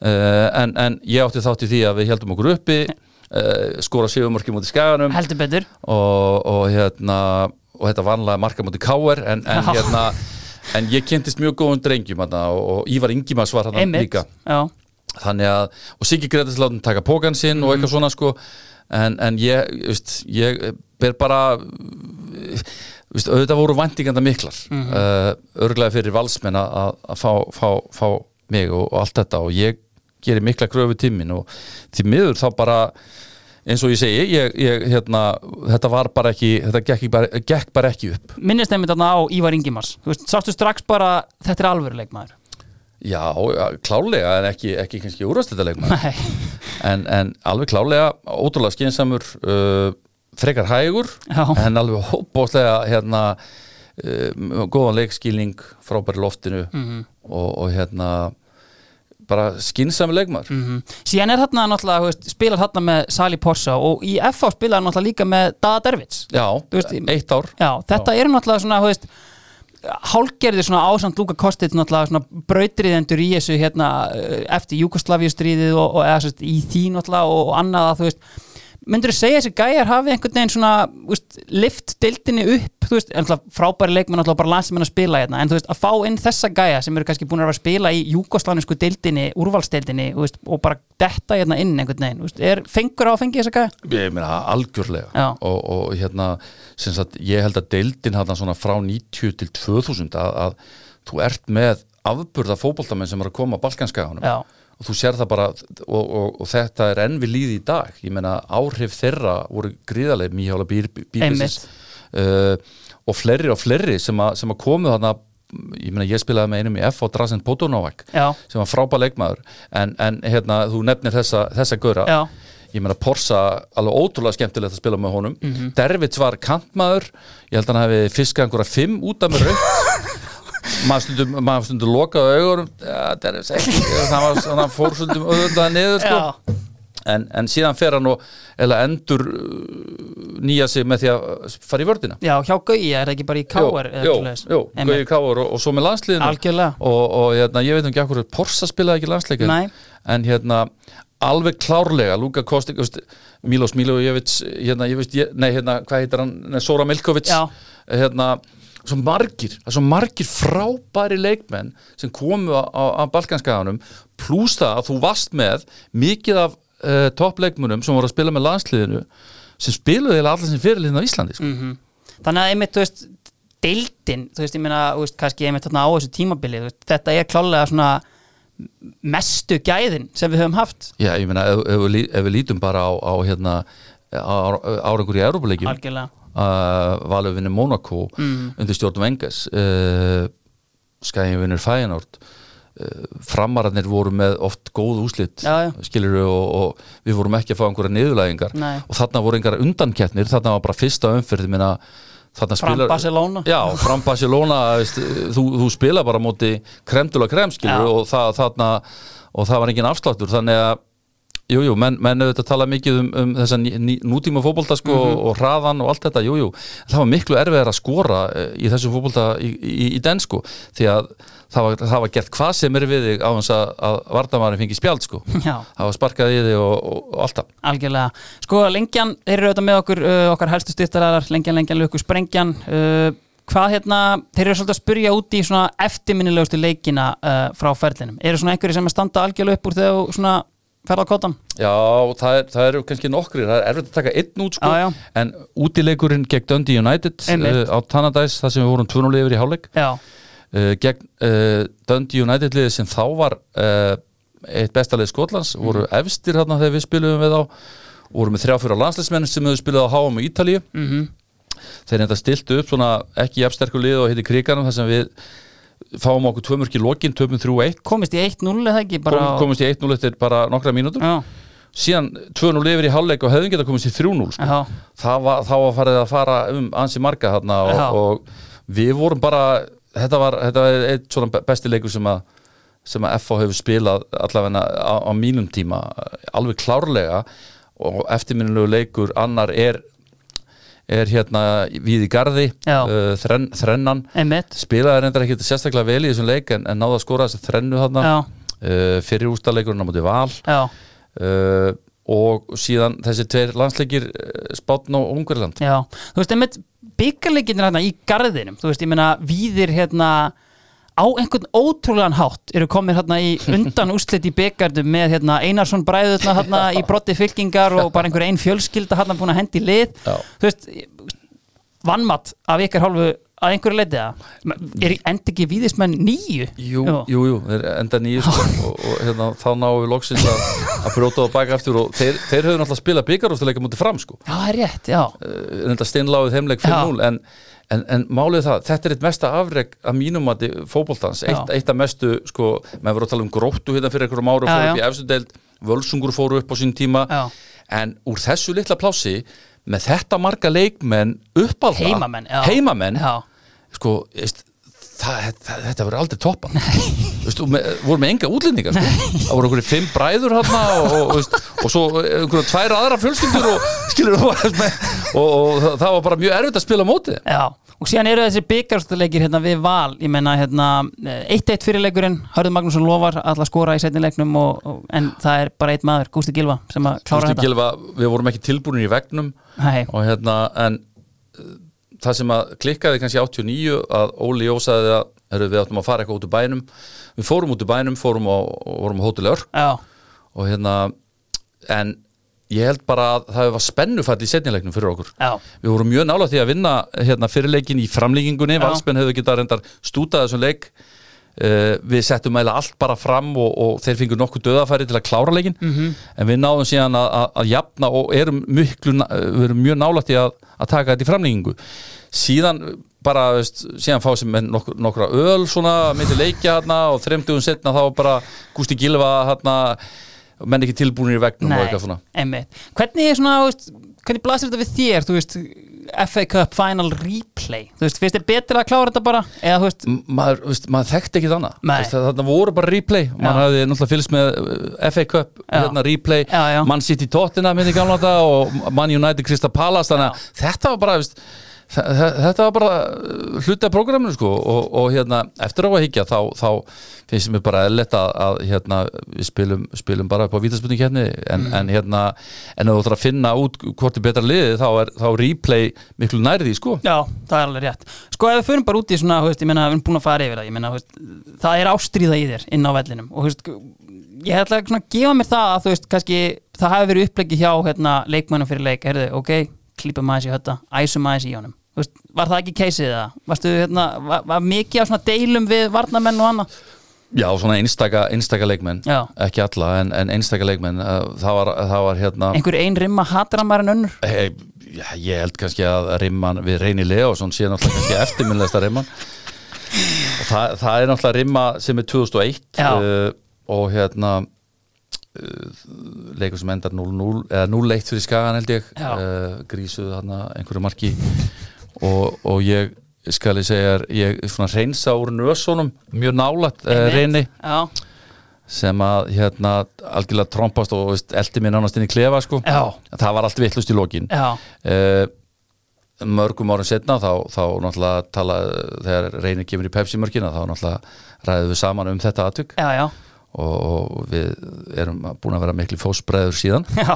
en ég- klikkaðari leikmanni á vellinum hef ég eiginlega sjaldan, sjaldan kynst sko og veist, maður var og það er ótrúlegt að, að þetta er svo mikill öðlingur Já, en hann var algjörlega dýrvillis á vellinum og ég, veist, ég var það líka ég, Já, Mhm. já. ég, ég gerir mér alveg grein fyrir því að ég var ekki batana bestur og maður nýtti sér ímislegt sko já, emmitt En ef við förum bara yfir, um nefni Pepsi-markin skilur við, ég meina í setni tíð eh, í þessu starfiðinu þar, þú veist, ég meina þú ert í rauninni að kommentera og, og dæma framistöður ég meina, þú veist, bæði fyrir um samherja, uh, vina kannski í einhverjum tilvika, þú veist þetta, þú veist, og, og kannski þegar maður er að tala um vini sín og annað, þá kannski, þú veist, að því maður vill ekki fá, sko, hann er einn að vernda vin sinn, þá kannski en maður er aðeins harðari uh, fyrir vikið, þú veist, var þetta erfitt svona einhvern veginn? Já, svona eftir að hafa ekki að þegar maður lítið tilbaka að, og, og líka það, já, sko að, þú veist, ég enda ferilinn þannig að, að hérna ég er, ég er byrjaði að fyrir þetta maður veist, þe- Einmitt. síðustu, síðustu tvö árin Ég finn hérna dæmi bara það sem þú ert að hérna, fara yfir highlights úr eigin leik Já, highlights og reygin leik þar sem að ég skoraði sigurmarki Já, og, hérna, og, og, og það, það er rétt og, og ég held ekki kannski að, að ferillin minn sem sagt, hafi kannski að einhver leiti gleymst eða, eða svona að því að, að því ég er náttúrulega kannski ansi, getur verið ansi kvass og, og svona, ég þóla ekkert svona eh, veist, ég vil bara að menn segi umbúðlust já, já, álit sitt algjörlega já, já, ég meina ég eh, veist, sé eftir nokkrum uh, ummælum um til dæmis Heimi Guðjóns uh, þegar mér fannst sérfræðingandi mínir ekki nógu harðir Já, já, og, og hérna að ég fór yfirleitt alltaf og fór á sverðið sko já, og hérna og kannski uh, var stundum ekki nógu dipló mm. en ég, ég held að við fengum, fengum samt topp sjónvarp já, út af- já út af menn þessu. eru náttúrulega bara í þess til að búa til sjónvarp og einhvern veginn, Já. en, þú veist, en þetta er svona einhvern veginn, þú veist við erum bara einhvern veginn það lítið land og þú veist, Mhm. þetta er einhvern veginn og þú veist, en þegar þið byrjið með Pepsi-mörkin, þú veist, þetta er eitthvað sem hefur henni kannski aldrei sést, þú veist, þannig að komið með skiluru meina, þú ert í settinu með þrjá guldskóa, ég meina Tómas Ingi er mættur þarna með sinn frábæra feril og, og fullta mörkum og, og annað og ég meina og Maggi Gilva skiluru sem að hefur þjálfað toppliðin skiluru þú veist, og kannski að fá svona þú veist, menn í rauninni að dæma bara virkilega og þú veist, ég menna þetta kannski er eitthvað sem að þú veist, hérna, menn voru bara í rauninni kannski ekkert vanir All, alls ekki og, og, og ég meina og, og, og síðan eru mennóðnir mjög góðu vanir og við sjáum bara veist, við sjáum bara til dæmis sjá Sky ég meina hverjir eru þar Já, Gary Neville, Roy Keane, Jamie Carragher Já. uh, við sjáum bara hvaða, hvaða þungavekta menn eru raun og veru komnir í þetta og, og ég held líka að þetta hafi verið þetta náttúrulega svolítið óvanlegt og að hérna, Bjarni Fél hafi verið leikmaður káur og svona Já. a- a- og hemmi gunn og allt þetta en, en þá var þetta svona a- annars eðlis þar sem að það var svona farið virkilega í fyrsta skipti grundigt í íslenska fókbólta já, alveg 100% Herru, lengjan, þeir ætla líka að færa okkur hérna sóknarlínuna, uh, þeir færa okkur allt uh, bestu stöðlana uh, og allt saman skatt frjálst, takk saman, takk fyrir það allt saman, sko áður en við förum í hérna sóknarlínuna í bóði lengjunni, þá sendi Dominos mér hérna þryggjamanna lista þeir eru þetta með Dominos tríóið og þeir vildu kannski aðeins fá hérna smá meir umræð, ég meina þú spilaði með landsistjálfaranum Arnari Viðars sem kottungum manni er það ekki Úst, sem síðan meira á- náttúrulega er bara orðin Belgi og hérna á hérna sín farsælustu ár þar og bara þú veist, mikil smetin í hérna belgiskum fótbolta fyrir sitt framlag sástu strax einhvern veginn að því hann hefur einhvern veginn talað um pappapólitík og annað ég meina hann náttúrulega byrjar bara strax hann í sjötta flokki þegar hann á einhvern umdeldan háttir valinn besti leikmaði mótsins þegar Eður Smári er að skora einhvern 40 mörg veist, og einhvern veginn svona þú veist, þegar maður svona skoðar fyrirlands í, í tímaröð á tímarit.is og annað þú veist, þá svona kannski virðist þetta alltaf einhvern veginn hafa lagt upp fyrir hann en var hann virkilega góður Já, ég held að hann ha- hafi alveg unni fyrir því sem að, sem að hérna eh, hafi, hafi, hefur áorka sko Já. og eh, ég, kannski einhver leiti uh, var hann hérna hann var ekki kannski þa þannig leikmaður að, þú, þú, að, að, að svona þjóðin gat svona heldur betur ekki, nei hérna og hann, hann lendi ég kannski svolítið að heyra hann það já. le- lendi svolítið illa í því fannst mér og, og að mörguleiti ósegju mm Mhm. uh, að því þetta er stráku sem hjartaður réttum stað og, og, og, hérna, og allt þetta og var, var frambaralegur og flottu fótboltamaður og hérna þannig að að já, já, ég veist, menna, Addi var, var, var gaman að spila eh, svona fyrstu, fyrstu leikina hann með honum sko algjörlega og svona á þeirri línu þá eru þeir náttúrulega Ási á Dominos er mikill aðdáðandi uh, Davís Garðarssonar náttúrulega maður sem kemur hérna í FH og hérna umdeltur maður en, en þú veist hérna úst, góð leikmaður eða? Já, ég meina hann hristi hressilega upp á æfingunum hjá okkur og ég man eftir einni æfingu sérstaklega já, það sem Hörður Hilmarsson segir strákar, enga tæklingar Já. daginn fyrir leik, enga tæklingar og Dabbi tekur eina sko tveggja fóta á Óla Kristján og það verður allt brjálað það var allt vittlust og máliði það að þetta bara, hann var bara svona gæinn sem að fekk bara allir upp á tána sko, já, tærnar já, og hérna gætt spila marga stöður hann var- hún, hún drullu sama hvað öðrum fannst og, og hérna þannig að ég, veist, þessi ár að dabba með okkur var, og voru trúlega bestu árin hans Alveg klárlega. á, á vellinum og, og hérna hann var bara vel haldið utanum hann en minna, vissulega ekki allra nei og síðan kannski alveg í lokin, síðan erum við náttúrulega með hinn landslýstalvaran, uh, Steini Halldórs spilaði Já. ekki með honum í Jó, FH. ég, ég spilaði með honum í FH 94 annar 95. leikmaður sem kannski hefur hérna fendt yfir að var actually fótboltamaður góðu leikmaður Akkurat, hann var í þessum, hann var svona þungavekta maður á miðunni Já. Ég kallaði hann hundin sko því að að hörður var alltaf að tala um sko baráttu hundurinn og ég kallaði hann bara hundin en hann var svona baráttu hundur Mhm. -hmm. og hérna var, var mikil kettinsmaður og og það var gaman að spila með og, hann- og þegar, þegar Steini var reyður þá með þess að fór ég í fylur en hverjir eru hérna upp á topp hjá þér Já, upp og topp, það er hérna, ég ætla að- fyrst er að nefna Andra Martinsson sem Já. að kemur, kemur í FH 1990 ég hafði, við höfum elda grátsilu saman í æfingarleik FH Vikings Já. eh, tveimur árum undan það sem að ég- hendaði með því ég sparkaði í raskatið á hann í leik eh, hérna og Andri kemur inn náttúrulega með þetta eh, að við erum, við erum svona svolítið keppinautar já, en síðan þannig smátt og smátt tekst á með okkur góðum vinskapur og við verðum bara mjög góðu félagar og, og hann er hann var bara það góður í fótbolta uh, hann uh, var, var, hann var frábært að spila með hún þetta er svona gæi sem að þú veist, með náttúrulega þú veist, þegar ég kíkti á hann hérna í tengslu við svona var sumar og annað þú veist, miklu fleiri landsleikir enn ég held og hérna og þú veist, hérna, skorar fullt af mörgum að miðjunni, fer síðan hérna þú veist, og hann er líka svona þú veist, íslenskur journeyman, svona verktakamaður einhvern Jú, jú. veginn með samt þessi gæði svona einn að fáum einhvern veginn á þessum tíma sem að eru þú veist, ekki fastur í einu liði og svona þú veist, skemmtileg típa af leik Já, hann náði að sópa upp hann hann var að gera vel við fyrirlin sinn sópaði upp hann út á landsbyðinni Le- hann fór ekki leiftur líka Jú, jú, og- Breiðablik og og keyptur Þór og- og, já, já, var, var, var út um allt og, en, en hans bestu árið með okkur Já. og, og hérna að því að það var eiginlega búið að afskrifa andra svolítið vegna þess að hann fyrir í KR einmitt, og það er eitthvað flopp eða eitthvað Já. gengur ekki upp hjá honum ekki fyrstur og ekki síðastur ekki fyrstur ekki síðastur kemur uh, í fimmleikafélagi ég, veistu, ég hef ekki hugmynd um hvernig, hvernig það barað Já. en, en hann kemur og, og hérna er, er einn af þessum, þessum afbröða sóknarmönnum sem, að, sem ég náði að spila með Já, algjörlega, og hver er með honum upp á topp?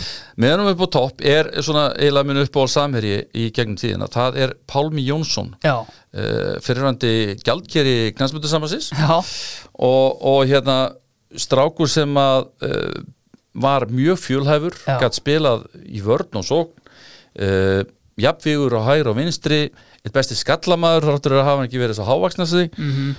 og þetta, ég þetta lita svolítið af því að ég hérna, svona ég spila mín best eða svona ég kem upp svolítið með Pálma Já. Vi, við erum í framlíninu 88 hann verður markagöngur annar dildar ég, eh, og svo, svo svona fylgjust við að þarna, þessi 89, 90, 91 þessi ár mín að þá er hann með mér í, í framlíninu og, og var svona, svona óeingjart mm -hmm. ósérlífin Já.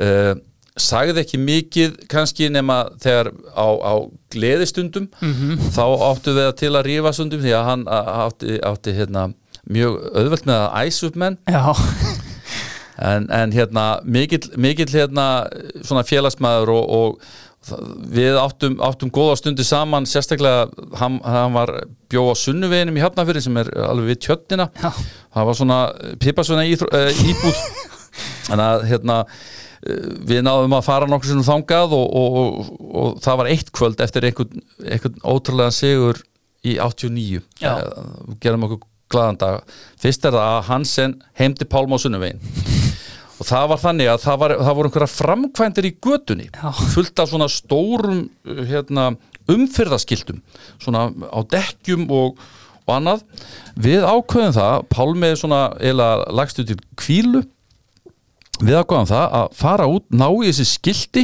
öll sem var eitthvað 10-15 skilti og fylla íbúðuna hans á þessu hann síðan vaknar daginn eftir með íbúðuna fulla af umfyrðaskiltum og, og, og hérna og við fórum síðan og fjallaðum þetta sko en, en eh, veist, ég, ég varð að segja þessa sögu Já. sko, hún á sér la- lengra aðda- aðdraganda en það var ímislegt hægt að bralla hérna í, í den því að það, það, var, það, var, það var ekkit Instagram sko. nei Nei, nákvæmlega, Heru, þá er liðið komið fyrir möstandið það er Stefán Arnarsson í markinu uh, Varnalínan Guðni Bergs, uh, Kristján Jónsson og uh, Óli Kristjáns, professorinn uh, fimmana með að Þorvaldur Örleiks, Sigurður Jónsson Rúna Kristins, Heimi Guðjóns og Guðmundur Sævarsson og uh, í framlínunni eru Pálmi Jónsson og Andri Martinsson uh, eða þeir eru ágjöf og bókald uh, þeir eru þetta menniti sem sjá um verktakagreislur knastbytumanna, hafa sérhætt sig í því Brynjálfur Tryggvi orðin 70 ára uh, þeir færa okkur þjálfara leysins Hötti, hver myndi þjálfa þetta lið? Já, þetta er, þetta er stór spurning og hérna, erfitt fyrir mig að svara þessu uh, Ég heila ég heila get ekki svarað þessu ég, hérna, ég ætla samt að segja og, og ég hérna, ætla að láta geira el þjálfaðalið Já, það er bara vel til fundið tengilegir í bakurðum og, og allir léttir Já. að lokum uh, þá hafa sjóvá, þeir hafa gefið grænt ljósa og hafa tryggingu fyrir liðið og svona þeir vilja fá, er náttúrulega með bestu tryggingarnar og leifa uh, viðmælandum að tryggja sig, svona að maður velja einn leikmann aukalega sem væri fyrst og fremst bara til að halda leikgleði og, og stemmingu í hópnum hvernig þetta er ég, fyrst í ok, hug ok, ég ætla að nefna tvo, Já. má ég það? að endilega, Ok, ég verða að nefna Sigurbjörn Hreðarsson, Björsa Já. Hreðars Þetta eina ári val er alveg eftirminnlegt því að drengurinn er náttúrulega stórkostur Já. Hann er stórkostur í liðsfélagi hann, hann, hann gerði mann einhvern veginn kleift þetta eins og ég var búin að vera í val í tíu ár Já. Hann var mórallinn í liðinu Já. hann er, hann er bara, hann er, hann er, hann er frábær Já. Síðan er hinn náttúrulega gamli þjálfari minn í sjötta loki og, og við höfum eh, svona fylgst að í gegnum tíðina Guðmundur, Guðmundur Hilmason Já. Gummi Hilmas Já. sem var alltaf, alltaf til í allt, alltaf, alltaf jákvæður, alltaf pósitífur það var, það veist, hann, hann hérna ég get ekki, get ekki sleppt gumma því að hann, hann hérna komst í miður ekki í liðið að Nei. þessu sinni en, en alltaf til í móralst uh, pepp og, og einstakur uh, gaur sem að, sem að eins og ég sagði bjargaði ofta línu algjörlega herri, ég held að það séu bara fín loka orð uh, hörður, ég bara þakka að kella fyrir komina í draumalið ekki málið Fjórnast á draumalið í bóði lengjunar.